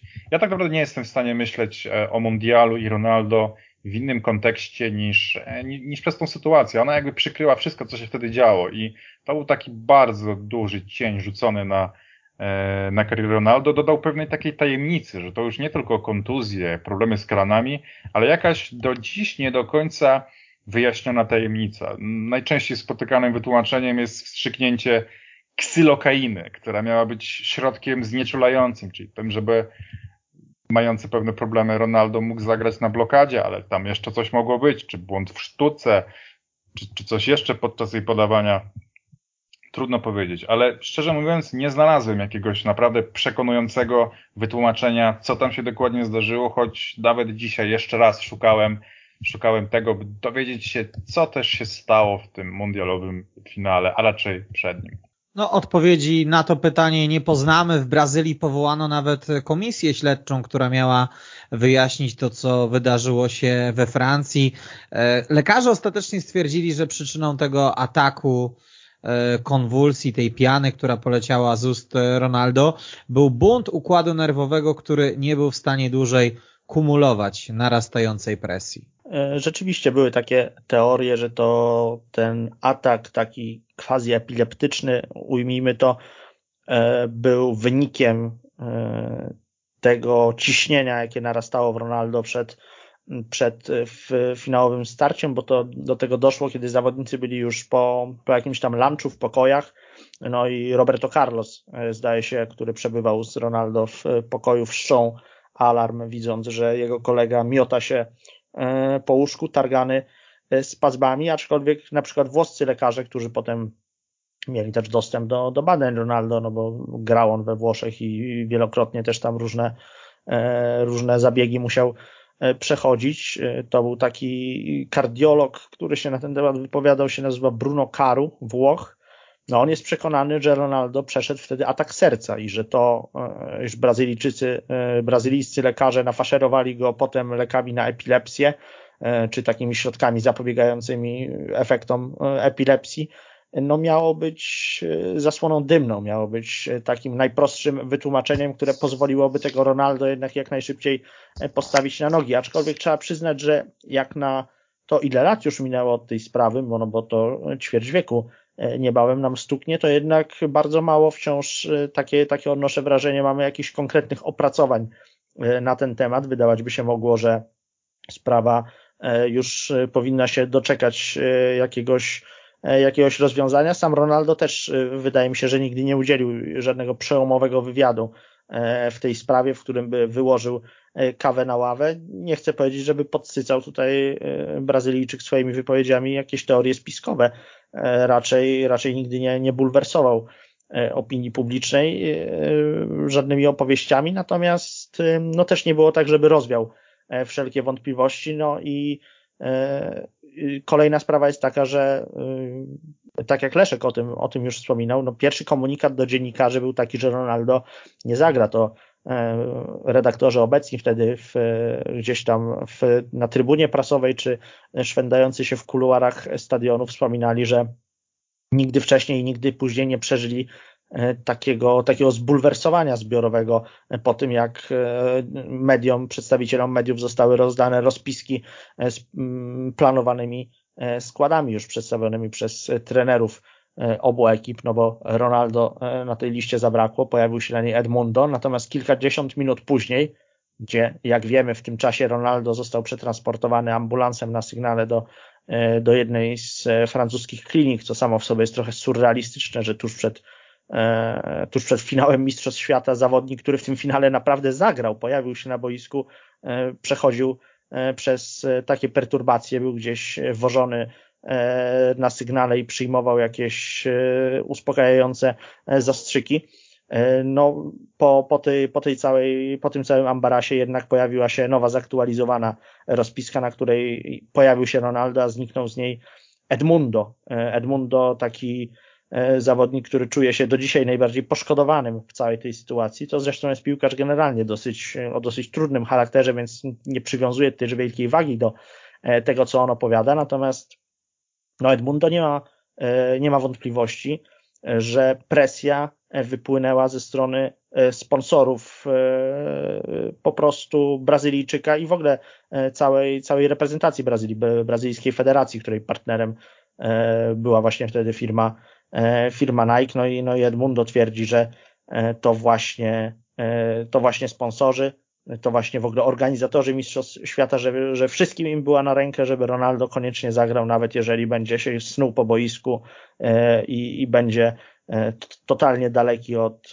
od swojego, swojej najlepszej formy, no bo nawet jeżeli założymy jak w jakimś takim szalonym przypływie optymizmu, no że faktycznie ta interwencja lekarzy po, po ataku Ronaldo pomogła i że on faktycznie został doprowadzony do do zdrowia i że po tych przeżyciach e, nie było już śladu, no to to, co on musiał przeżyć wewnętrznie, psychologicznie, jako, jako człowiek po prostu, e, no absolutnie wykluczało udział w takim wydarzeniu jak finał Mistrzostw Świata. Więc też muszę powiedzieć, że jakoś trudno mi uwierzyć, aby selekcjoner Canarinos E, umieścił Ronaldo w wyjściowym składzie, kierując się tylko względami sportowymi, ponieważ no, jako człowiek doświadczony wydaje mi się, że musiał wiedzieć, że e, będący w pełni sił Edmundo może dać więcej e, zespołowi niż, niż Ronaldo po takich przejściach, chociaż może, może zakładał ta, takie inne założenie, przyjął, że taki magiczny powrót Ronaldo, no, może z zaświatów, gdybym powiedział, to byłoby trochę niesmaczne, ale powrót E, taki wręcz, wręcz bajkowy, kiedy zawodnik już się wydawało, że jest wykluczony z finału, ale w ostatniej chwili zakłada koszulkę, wbiega na boisko. No tak, taka historia, która mogłaby się zdarzyć w jakimś anime, e, no to, no to, że to jakoś pociągnie reprezentację Brazylii, daje jej takiego psychologicznego kopa. No nic takiego nie miało miejsca. Ronaldo zagrał fatalnie, Brazylia zagrała źle i została przez, e, przez Francję po prostu rozbita. No tych hipotez o tym, co się stało, jest oczywiście mnóstwo. E, mi najbliżej do tej, że Mario Zagallo nie chciał wpuszczać Ronaldo. Według relacji Brazylijczycy na odprawie mieli usłyszeć o finale z 1962 roku, kiedy pozbawieni Pelego Canarinos zostali mistrzami świata. E, potem wraz z lekarzem ze szpitala przyjechał Ronaldo i po naciskach Ricardo Teixeira, mm, szefa brazylijskiej federacji, mocno zblatowanego z właścicielami Nike, Zagalo zmienił skład, ale puentując, e, mam wrażenie, że kluczowe dla losów tego finału były wydarzenia z hotelu, a nie ze stadionu. Oni byli tak rozbici tym, co zaszło, że w ogóle nie mieli ochoty grać. Tam jest wątek braku tradycyjnej przedmeczowej modlitwy, opuszczenia rozgrzewki. Prawdy chyba nigdy nie poznamy, ale idziemy dalej w karierze Ronaldo. Pomundialowy sezon 1998-1999 był jego ostatnim udanym okresem w Mediolanie. Zaliczył też świetne Copa America 1999 z pięcioma golami i dwiema asystami, ale później rozpoczęła się seria kłopotów zdrowotnych i przez 3 lata Luis Nazario de Lima rozegrał dla Nera Zurich zaledwie 16 meczów.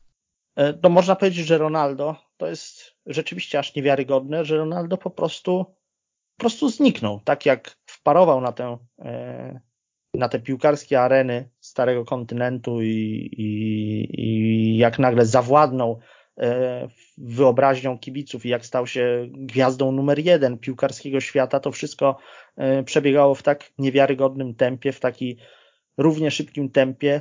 E, Ronaldo przepadł. Przepadł, jak wiemy, z powodu kontuzji kolana, która wykluczyła go, no, nawet mówiło się, że jego kolano tak naprawdę eksplodowało podczas meczu Pucharu Włoch z Lazio. No, kompletnie zdewastowane więzadła krzyżowe, rehabilitacja i, i, i odnowienie E, tego, doprowadzenie do stanu używalności tego kolana trwało e, niezwykle długo. Tam było, było mnóstwo komplikacji. E, fizjoterapeuta Nilton Petrone, który opiekował się wtedy Brazylijczykiem, stwierdził, że to jego zdaniem naj, naj, najokrutniejsza, najcięższa kontuzja w historii futbolu, że on się nigdy nie zetknął w swojej pracy fizjoterapeuty i też nie słyszał o tym, żeby ktokolwiek uszkodził kolano aż tak bardzo. No, pierwsze prognozy były po prostu horrendalne. No, wieszczono, że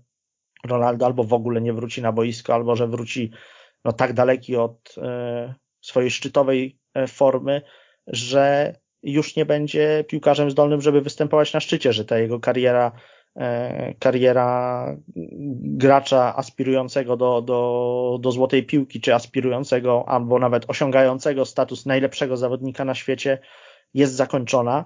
E, okazało się to oczywiście e, trochę, trochę aż nazbyt e, daleko posuniętym czarnowictwem. Natomiast myślę, że jak tu siedzimy, no to zgodzimy się, że najpiękniejszy, najbardziej spektakularny etap kariery Ronaldo wraz na ty, z tym urazem, którego on doznał w barwach Interu, no tak naprawdę się zakończył. Potem Ronaldo wrócił jako zawodnik topowy, był na tyle na tyle wybitnym piłkarzem, że mógł sobie e, poradzić, mógł się jeszcze utrzymać na szczycie, ale e, no, pozostała, pozostała ta ksywka fenomeno, pozostał, pozostał fenomenem e, jakby poprzez swój pseudonim, natomiast no, na boisku nie był już fenomenem, był wybitnym napastnikiem, ale nie fenomenem. No tak, w kwestii kontuzji myślę, że jest tyle ciekawych wątków w historii Ronaldo, że trzeba powiedzieć, że no cóż, no, na pewno to jest ten moment kariery u niego jakby graniczny, którym wielu się sądziło, że już nie jest w stanie wrócić. No i piękne jest to, że jednak ten powrót po prostu się udało zrobić, bo myślę, że w pewnym momencie większość już wierzyła, że to jest koniec tego zawodnika. Tym dziwniejsze było to, co wydarzyło się niedługo potem w Korei i Japonii. Męcząca się wcześniej w eliminacjach Brazylia z tercetem R odzyskała na azjatyckich boiskach tytuł mistrza świata. Luis Nazario de Lima strzelił 8 goli, w tym dwa Niemcom w finale, a pod koniec roku odebrał za to drugą w karierze złotą piłkę. No tak, jeżeli sobie spojrzymy na to, co się działo z reprezentacją Brazylii po, po, tym, po tej porażce w, w finale, e, w finale Mistrzostw Świata w 98 roku, no to najpierw był wielki sukces jeszcze z Ronaldo, czyli Copa America 99, e, no ale potem Ronaldo znika i zaczynają się poważne kłopoty. Niby tutaj e, nie bez powodu zachwycaliśmy się e, tą skalą talentu, jaką dysponowali w tamtym okresie Canarinos, e, no ale jednak wyszło na jaw w praniu, że bez największej gwiazdy nie jest tak łatwo poukładać sytuację i nie jest tak łatwo kompletować jeden sukces za drugim, no bo Puchar Konfederacji w 2001 roku przyniósł E, przyniósł porażkę, kolejną porażkę z Francuzami. Copa America w 2001 roku w ogóle było e, klęską, ponieważ Brazylijczycy ulegli wtedy Hondurasowi. E, no i do tego doszły jeszcze problemy w eliminacjach, w których Ronaldo także, także nie grał. Brazylijczycy tam przegrali bardzo wiele spotkań. Pojawiły się nawet takie dosyć duże naciski na selekcjonera Luisa Felipe Scolariego, żeby e, przywrócić e, do składu e, Romario, że jednak jeżeli nie ma Ronaldo, no to ta drużyna potrzebuje jakiejś kultowej, otoczonej kultem dziewiątki, no i niech to będzie ten, ten starszy z duetu Roro, choć wydawało się, że Romario jest już dawno po drugiej stronie rzeki, no i zresztą w jakimś sensie wydawało się nawet w pewnym momencie, że Scolari może ulec tym, e, tym naciskom i, i faktycznie, e, że, że Romario zacznie znowu odgrywać kluczową rolę e, w drużynie narodowej i w ten sposób zamykając też drzwi przed powracającym, powracającym Ronaldo. Koniec końców to, to jednak ten młodszy z Brazylijczyków, który w meczach towarzyskich w 2002 roku zaczął pomału powracać do, do gry w narodowych barwach, pojechał na Mistrzostwa Świata. Ronaldo nie został, Romario nie został przez Scolariego zabrany ku wściekłości kibiców, zwłaszcza z Rio de Janeiro, którzy, którzy Romario uwielbiali. No i no, trudno było być optymistą. Po pierwsze, e, wobec całej kadry Brazylii, która e, miała, miała kim grać, było tam mnóstwo znakomitych zawodników, ale jako zespół po prostu nie wyglądali dobrze od dawna. Mieli za sobą takie co najmniej dwa chude lata, e, cienkie eliminacje i generalnie no, no co w zasadzie co, co mecz to, to pojawi, pojawiały się jakieś nowe, nowe pytania i nowe wątpliwości wobec tego zespołu, a potem jeszcze Pamiętam, pamiętamy na pewno wszyscy pierwszy mecz e, tego mundialu, który zakończył się zwycięstwem, jasne, z Turcją, ale zwycięstwem po pierwsze wymęczonym, e, po drugie osiągniętym w takich dość paskudnych okolicznościach, ponieważ tam e, punktem zwrotnym, można powiedzieć, na finiszu spotkania była dosyć, dosyć perfidna symulka w wykonaniu Rivaldo. E, no i to spotkanie, wtedy jeszcze nikt nie wiedział zresztą, że Turcy w ogóle dojdą do strefy medalowej. No, e, e, percepcja była taka, że skoro Brazylia się z taką Turcją męczy i tutaj wygrywa po jakichś nieczystych sztuczkach, no to, no to z czym do ludzi? No to to nie jest w ogóle drużyna o medalowych ambicjach. Natomiast już w tym pierwszym meczu Ronaldo strzelił bramkę. No i jak się okazało, był to był to dopiero początek tego jego nieprawdopodobnego e, popisu, no bo potem trafił do siatki e, w starciu z Chinami, potem z Kostaryką, potem jego gol był kluczowy w meczu z Belgią, no tylko z Anglią w ćwierćfinale gola, gola nie zdobył. Później w drugim spotkaniu z Turcją, już tym półfinałowym, Ronaldo zdobył zwycięską bramkę. No i wreszcie finał i ten jego legendarny wręcz już pojedynek z Oliverem Kahnem, E, kiedy zakończony wynikiem 2-0 dla, e, dla Brazylijczyka i też 2-0 dla Brazylii w starciu, e, w starciu z Niemcami. Oliver Kahn był w zasadzie bram, bramkarzem bezbłędnym przez całe Mistrzostwa Świata. Pierwsza pomyłka zdarzyła mu się dopiero w finałowym starciu, gdy wypluł niegroźny strzał z dystansu autorstwa, zdaje się Rivaldo, no i Ronaldo wtedy dobił, dobił piłkę do siatki. Niewątpliwie wielki turniej e, Ronaldo, ale już w tej wersji e, Ronaldo e, snajpera, Ronaldo bardzo mocno skoncentrowanego na, na tym, żeby jak najlepiej ustawić się w szesnastce i, i tuż przed nią. To już nie był ten piłkarz, który potrafi rozkręcać ataki z koła środkowego albo gdzieś wciera się spontanicznie w rolę skrzydłowego, bo akurat tak mu podpowiada inspiracja. Ja zresztą do dzisiaj uważam, że generalnie takim MVP zespołu brazylijskiego na tamtym turnieju był jednak Rivaldo, który mi się e, bardziej podobał. Miałem wrażenie, że ma jeszcze większy wpływ na grę Canarinos. No, tak czy owak, e, nie wiem w ogóle, czy, czy można sobie wyobrazić bardziej spektakularny powrót, taki, taki w wymiarze sportowym. No to było jak wskrzeszenie Łazarza, po prostu po latach niebytu, e, po tym kiedy Ronaldo, były już wszelkie argumenty, żeby go skreślić jako gwiazdę światowego formatu, on na najważniejszej piłkarskiej imprezie e, zostaje królem strzelców, zawłaszcza sobie w zasadzie cały turniej i, i prowadzi brazylijską drużynę do zwycięstwa. Na pewno jedna z najbardziej niesamowitych historii, wydaje mi się, że w dziejach futbolu, no bo E, no bo mówię, tak, wrócić e, z takim przytupem w takim momencie w ogóle, e, w tak trudnym też dla drużyny narodowej i przywrócić ją na szczyt, mając tuż za plecami tak, taką lawinę problemów, jakie, jakie na Ronaldo spadły, no to to jest coś niezwykłego i wydaje mi się, że wszystko, co działo się później, a działo się raz lepiej, raz gorzej w karierze Ronaldo, no blednie przy tym, przy tych mistrzostwach świata, przy tym jednym turnieju. Ja pamiętam jeszcze tą fryzurę Ronaldo, którą wtedy miał, taką wyjątkowo głupią z perspektywy czasu, natomiast to też pokazywało, jaki on ma, mm, jaka jest jego siła oddziaływania, skoro tak głupia fryzura nagle stała się popularna na całym świecie i wręcz do, w dobrym tonie było zrobić ją sobie i pokazać. Nigdy więcej ona nie wróciła z jakiejś bardziej naturalnej przyczyny, tylko i wyłącznie Ronaldo e, sprawił, że dyskoteki całego świata były upstrzone osobami o takich fryzurach. to znowu pokazywało ten jego wielki status medialny i znowu, gdy Nike w 2003 opublikowała ranking ich zdaniem najbardziej medialnych postaci, znowu tam królował absolutnie Ronaldo, jeśli chodzi o wszystkich sportowców.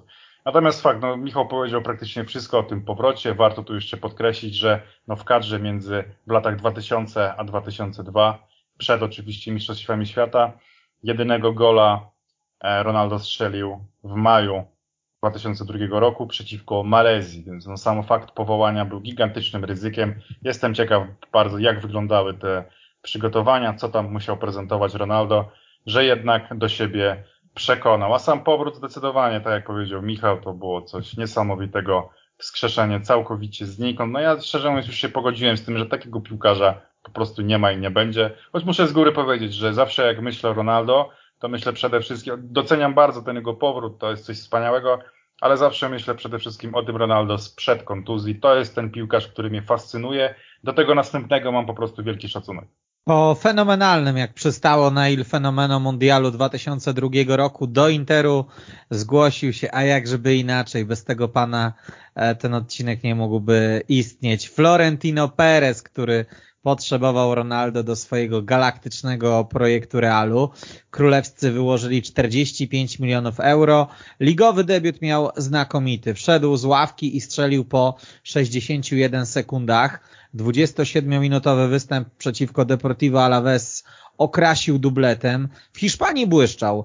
W każdym z trzech pierwszych sezonów zdobył ponad 20 bramek na boiskach La Liga, zdobywając e, tytuł Króla Strzelców w sezonie 2003-2004. W Lidze Mistrzów, poza jednym znakomitym wieczorem na Old Trafford, trochę mu tych bramek brakowało, ale najważniejsze dla niego oraz zespołu było jednak to, że jak na niego dopisywało mu zdrowie. To prawda, e, tym bardziej, że wtedy już e, coraz e, więcej krążyło takich pogłosek o tym, że Ronaldo po triumfie na Mistrzostwach Świata jest już zawodnikiem nasyconym i że jego poziom profesjonalizmu, który nigdy nie, nie, nie oscylował gdzieś tam w okolicach 100%, jeszcze się wydatnie obniżył, natomiast nie miał takich przerw zdrowotnych przez te pierwsze lata spędzone na Estadio Santiago Bernabeu, które by kosztowały go całe sezony. To, to była ta największa obawa, że, że po prostu będzie powtórka z historii e, w Interze. To znaczy, jeżeli Ronaldo się już rozsypie, no to może nie na dobre, ale znów, znów gdzieś przepadnie na rok e, czy na dwa. E, no a wiadomo, że u, u zawodnika E, coraz bardziej e, e, się starzejącego, no te szanse powrotu już będą zredukowane naprawdę do, do minimum.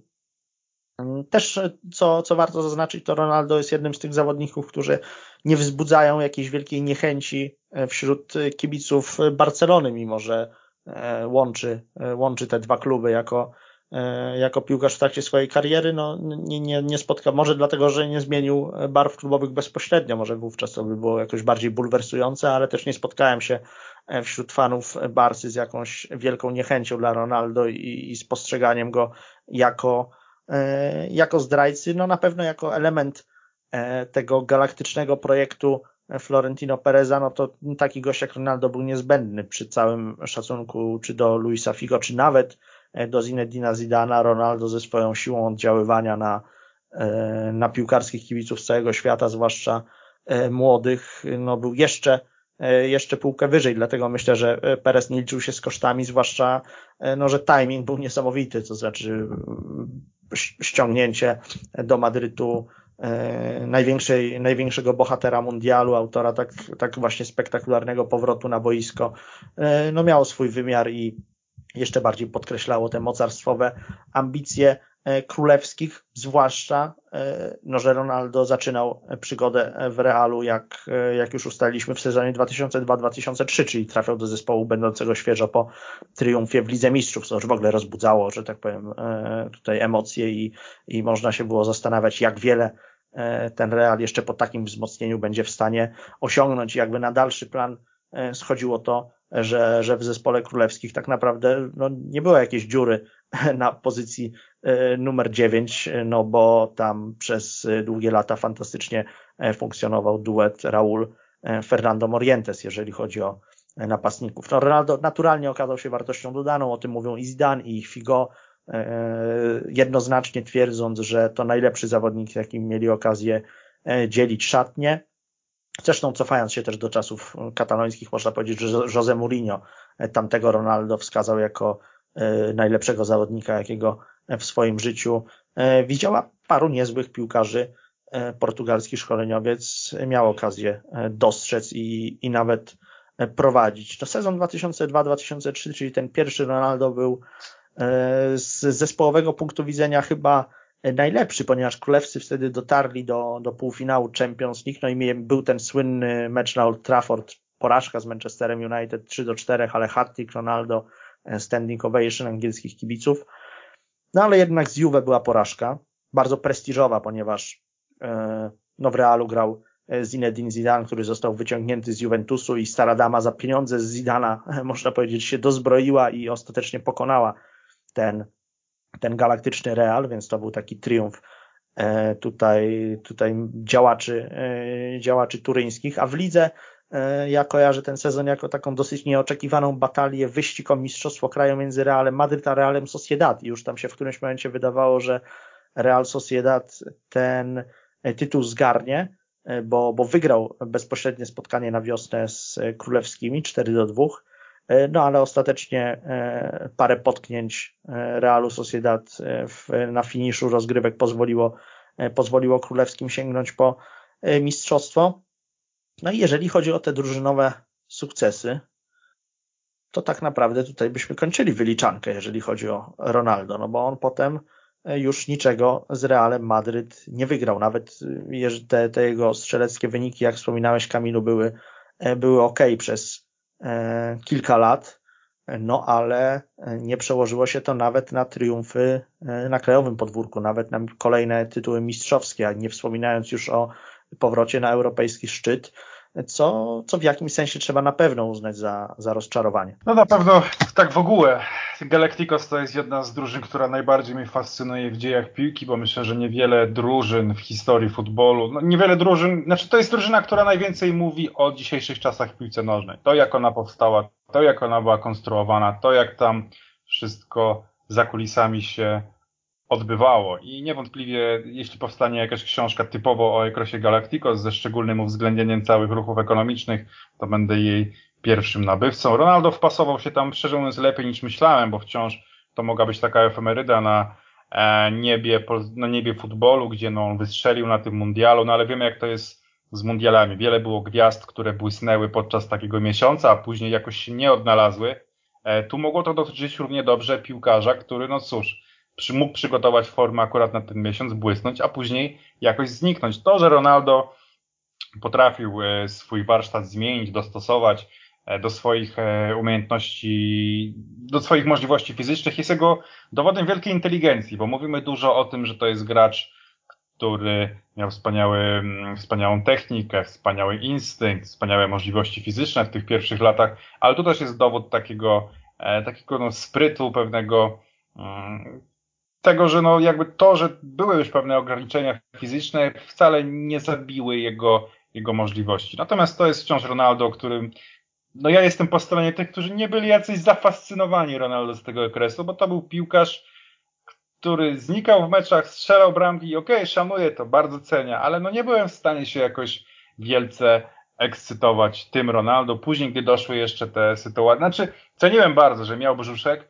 a mimo to cały czas na takim poziomie potrafił wbić tego sztycha. W pewnym momencie to się skończyło, natomiast no te, ten Ronaldo z Realu też jest, jest jakąś bardzo fajną historią, taką uroczą powiedziałbym. Natomiast nie jest to piłkarz, który jest siłą natury, a takim był i nawet w tych wypowiedziach kolegów z Realu, jak czytałem, Michael Owen na przykład mówił, że no Ronaldo był wspaniały, to co widziałem, widziałem u niego na treningach, mówiło mi wiele o tym, jaki musiał być w swoim szczycie. I w podobnym tonie czytałem kilka wypowiedzi kolegów z Realu, więc nawet oni nawiązywali do tego, kurczę, jaki to musiał być piłkarz wcześniej.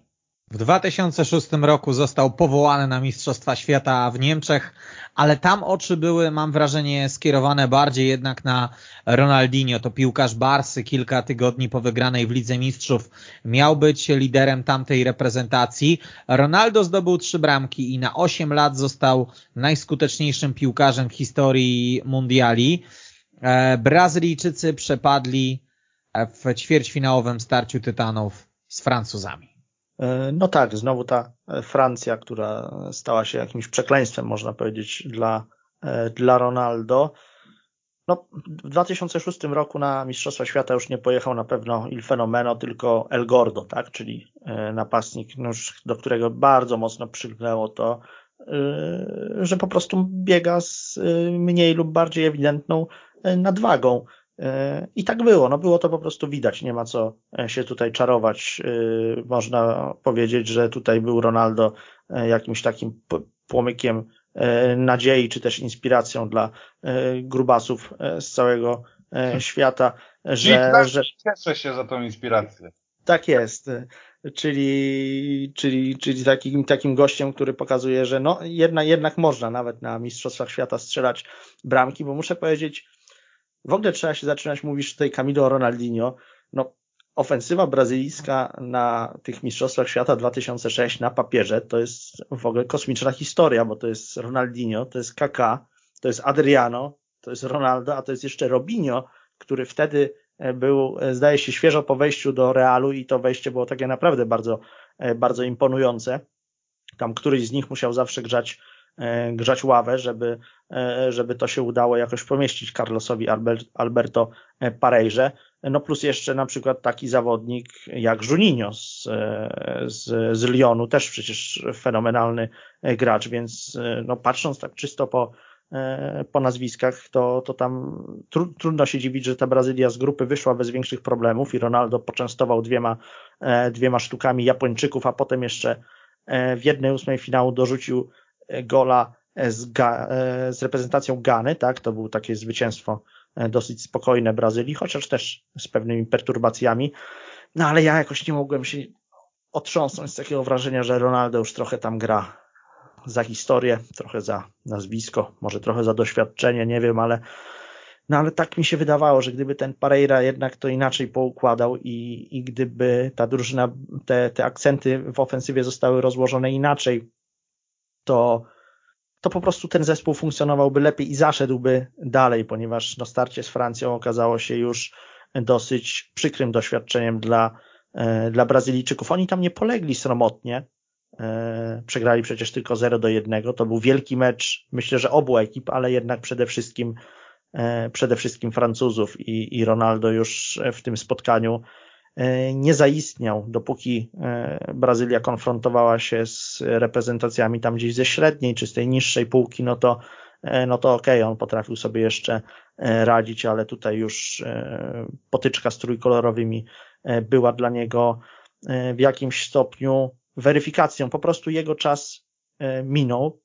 Może należało to dostrzec wcześniej, może to był błąd selekcjonera, a może po prostu taka trochę naiwna wiara w to, że kiedy masz Ronaldo jeszcze do dyspozycji, to musisz go wycisnąć jak cytrynę do końca, bo może on zdarzy mu się kolejny wystrzał, może zdarzą mu się kolejne Mistrzostwa Świata w Korei i Japonii, tym, tym razem e, w Niemczech. No tak się nie stało, jednak cudów, e, cudów nie ma, a nawet jeżeli są, to nie mogą się zdarzać na każdych e, Mistrzostwach Świata i tak sobie myślę, że te trzy gole Ronaldo, które on na tamtym turnieju zdobył, to to może był chyba nawet już wtedy wynik, biorąc pod uwagę jego ogólną formę i taką takie podejście do sportu to był chyba już trochę nawet wynik ponad stan i też to jest to, o czym Leszek mówił, że mundiale się trochę rządzą swoimi prawami i czasem e, nawet potrafi na nich błysnąć jakiś prawdziwek.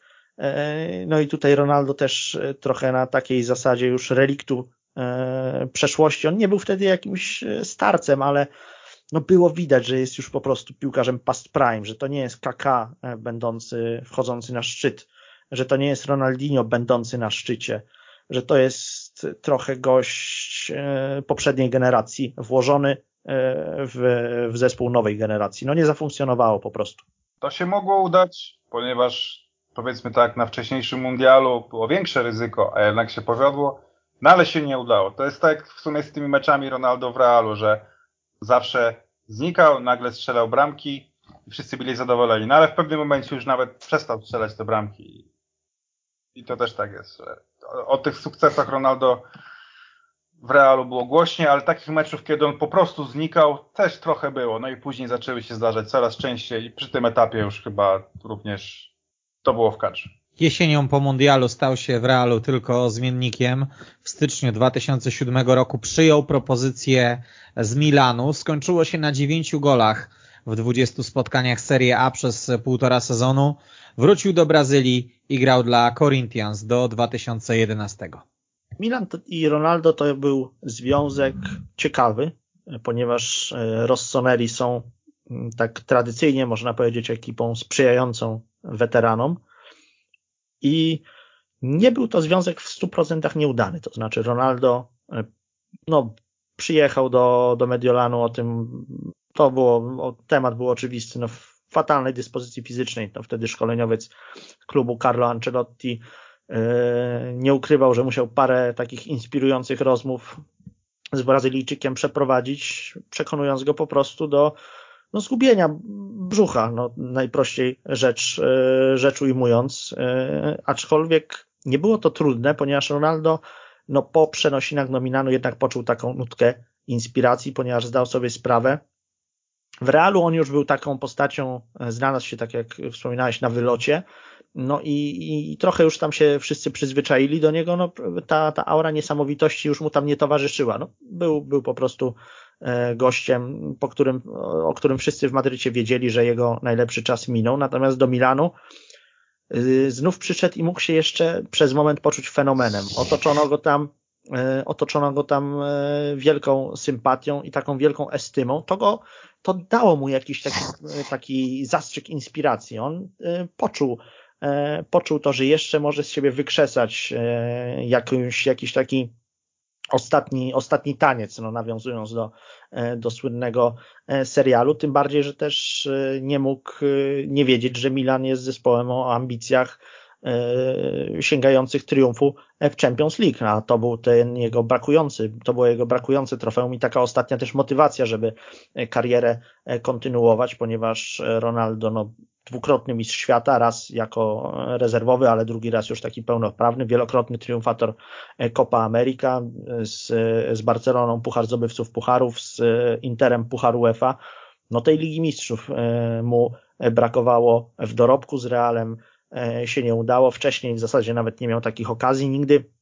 Jakoś te rozgrywki mu nie sprzyjały, no i Mediolan miał być tym miejscem, gdzie on, gdzie on właśnie w tej, w tej Champions League zaistnieje, w otoczeniu też wielu innych E, zawodników, którzy znali go od dekad i, i nieprawdopodobnie e, szanowali, plus miał jeszcze swoje wielu tam, e, tam rodaków, takich jak Kaka, Dida, Kafu i tak dalej. No i jak sobie spojrzymy na tę wiosnę, 14 występów, 7 bramek, jak na gościa już trochę skreślonego w zasadzie, traktowanego no prawie jak taki chodzący emeryt, E, który, który po prostu już e, nie dojeżdża, nie dojeżdża do topowego poziomu, jeżeli chodzi ani o, o formę, ani o przygotowanie fizyczne, no to to nie jest zły bilans. Siedem bramek i, i w jakiś sposób to, to też pobudziło emocje wokół, e, wokół jego osoby w Mediolanie, kiedy zaczął, zaczął trafiać do, do siatki, no to, no to tam poczuli sympatycy Milanu, ale i w klubie było takie poczucie, bo pisał o tym Carlo Ancelotti w swojej autobiografii,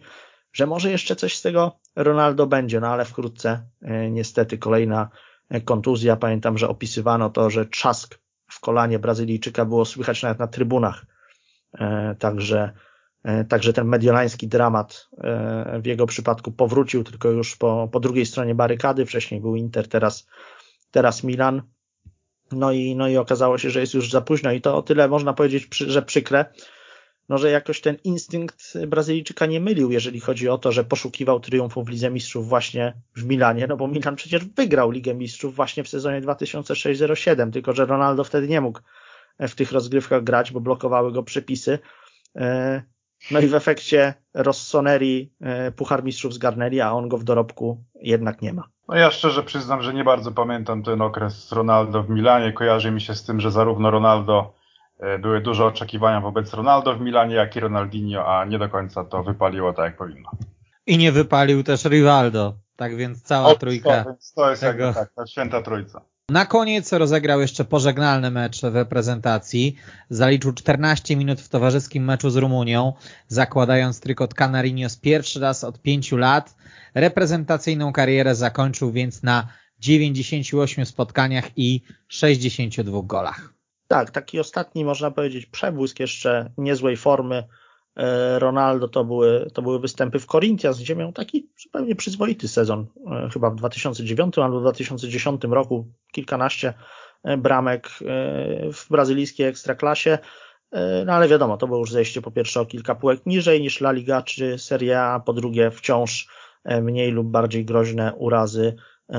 Gdzieś tam go wyhamowywały i nie pozwalały mu już E, wzlecieć, a przecież mówimy o, o zawodniku urodzonym w roku 76, więc e, no, jego poważna kariera zakończyła się e, de facto, jeżeli będziemy to datować, że, że ten, ta przygoda w Milanie już się zalicza do tych niepoważnych etapów, no to w wieku 30 lat, no bardzo, bardzo szybko nastąpił wzlot, ale też może niejako nawet w efekcie tego e, szybko doszło do zjazdu, no ale też o tym, jakim szacunkiem e, wśród brazylijskich kibiców i jakim, jakim uwielbieniem, nawet to będzie lepsze słowo, cieszył się Ronaldo, no świadczy właśnie sam fakt, że zorganizowano mu występ e, jeszcze ten pożegnalny, kiedy w takiej trochę już opinającej ciało e, koszulce Ronaldo wybiegł na, na murawę, by, by jeszcze raz pokazać się ludziom, by jeszcze raz mogli to, to jego nazwisko na, na kanarkowym trykocie zobaczyć i by, by po prostu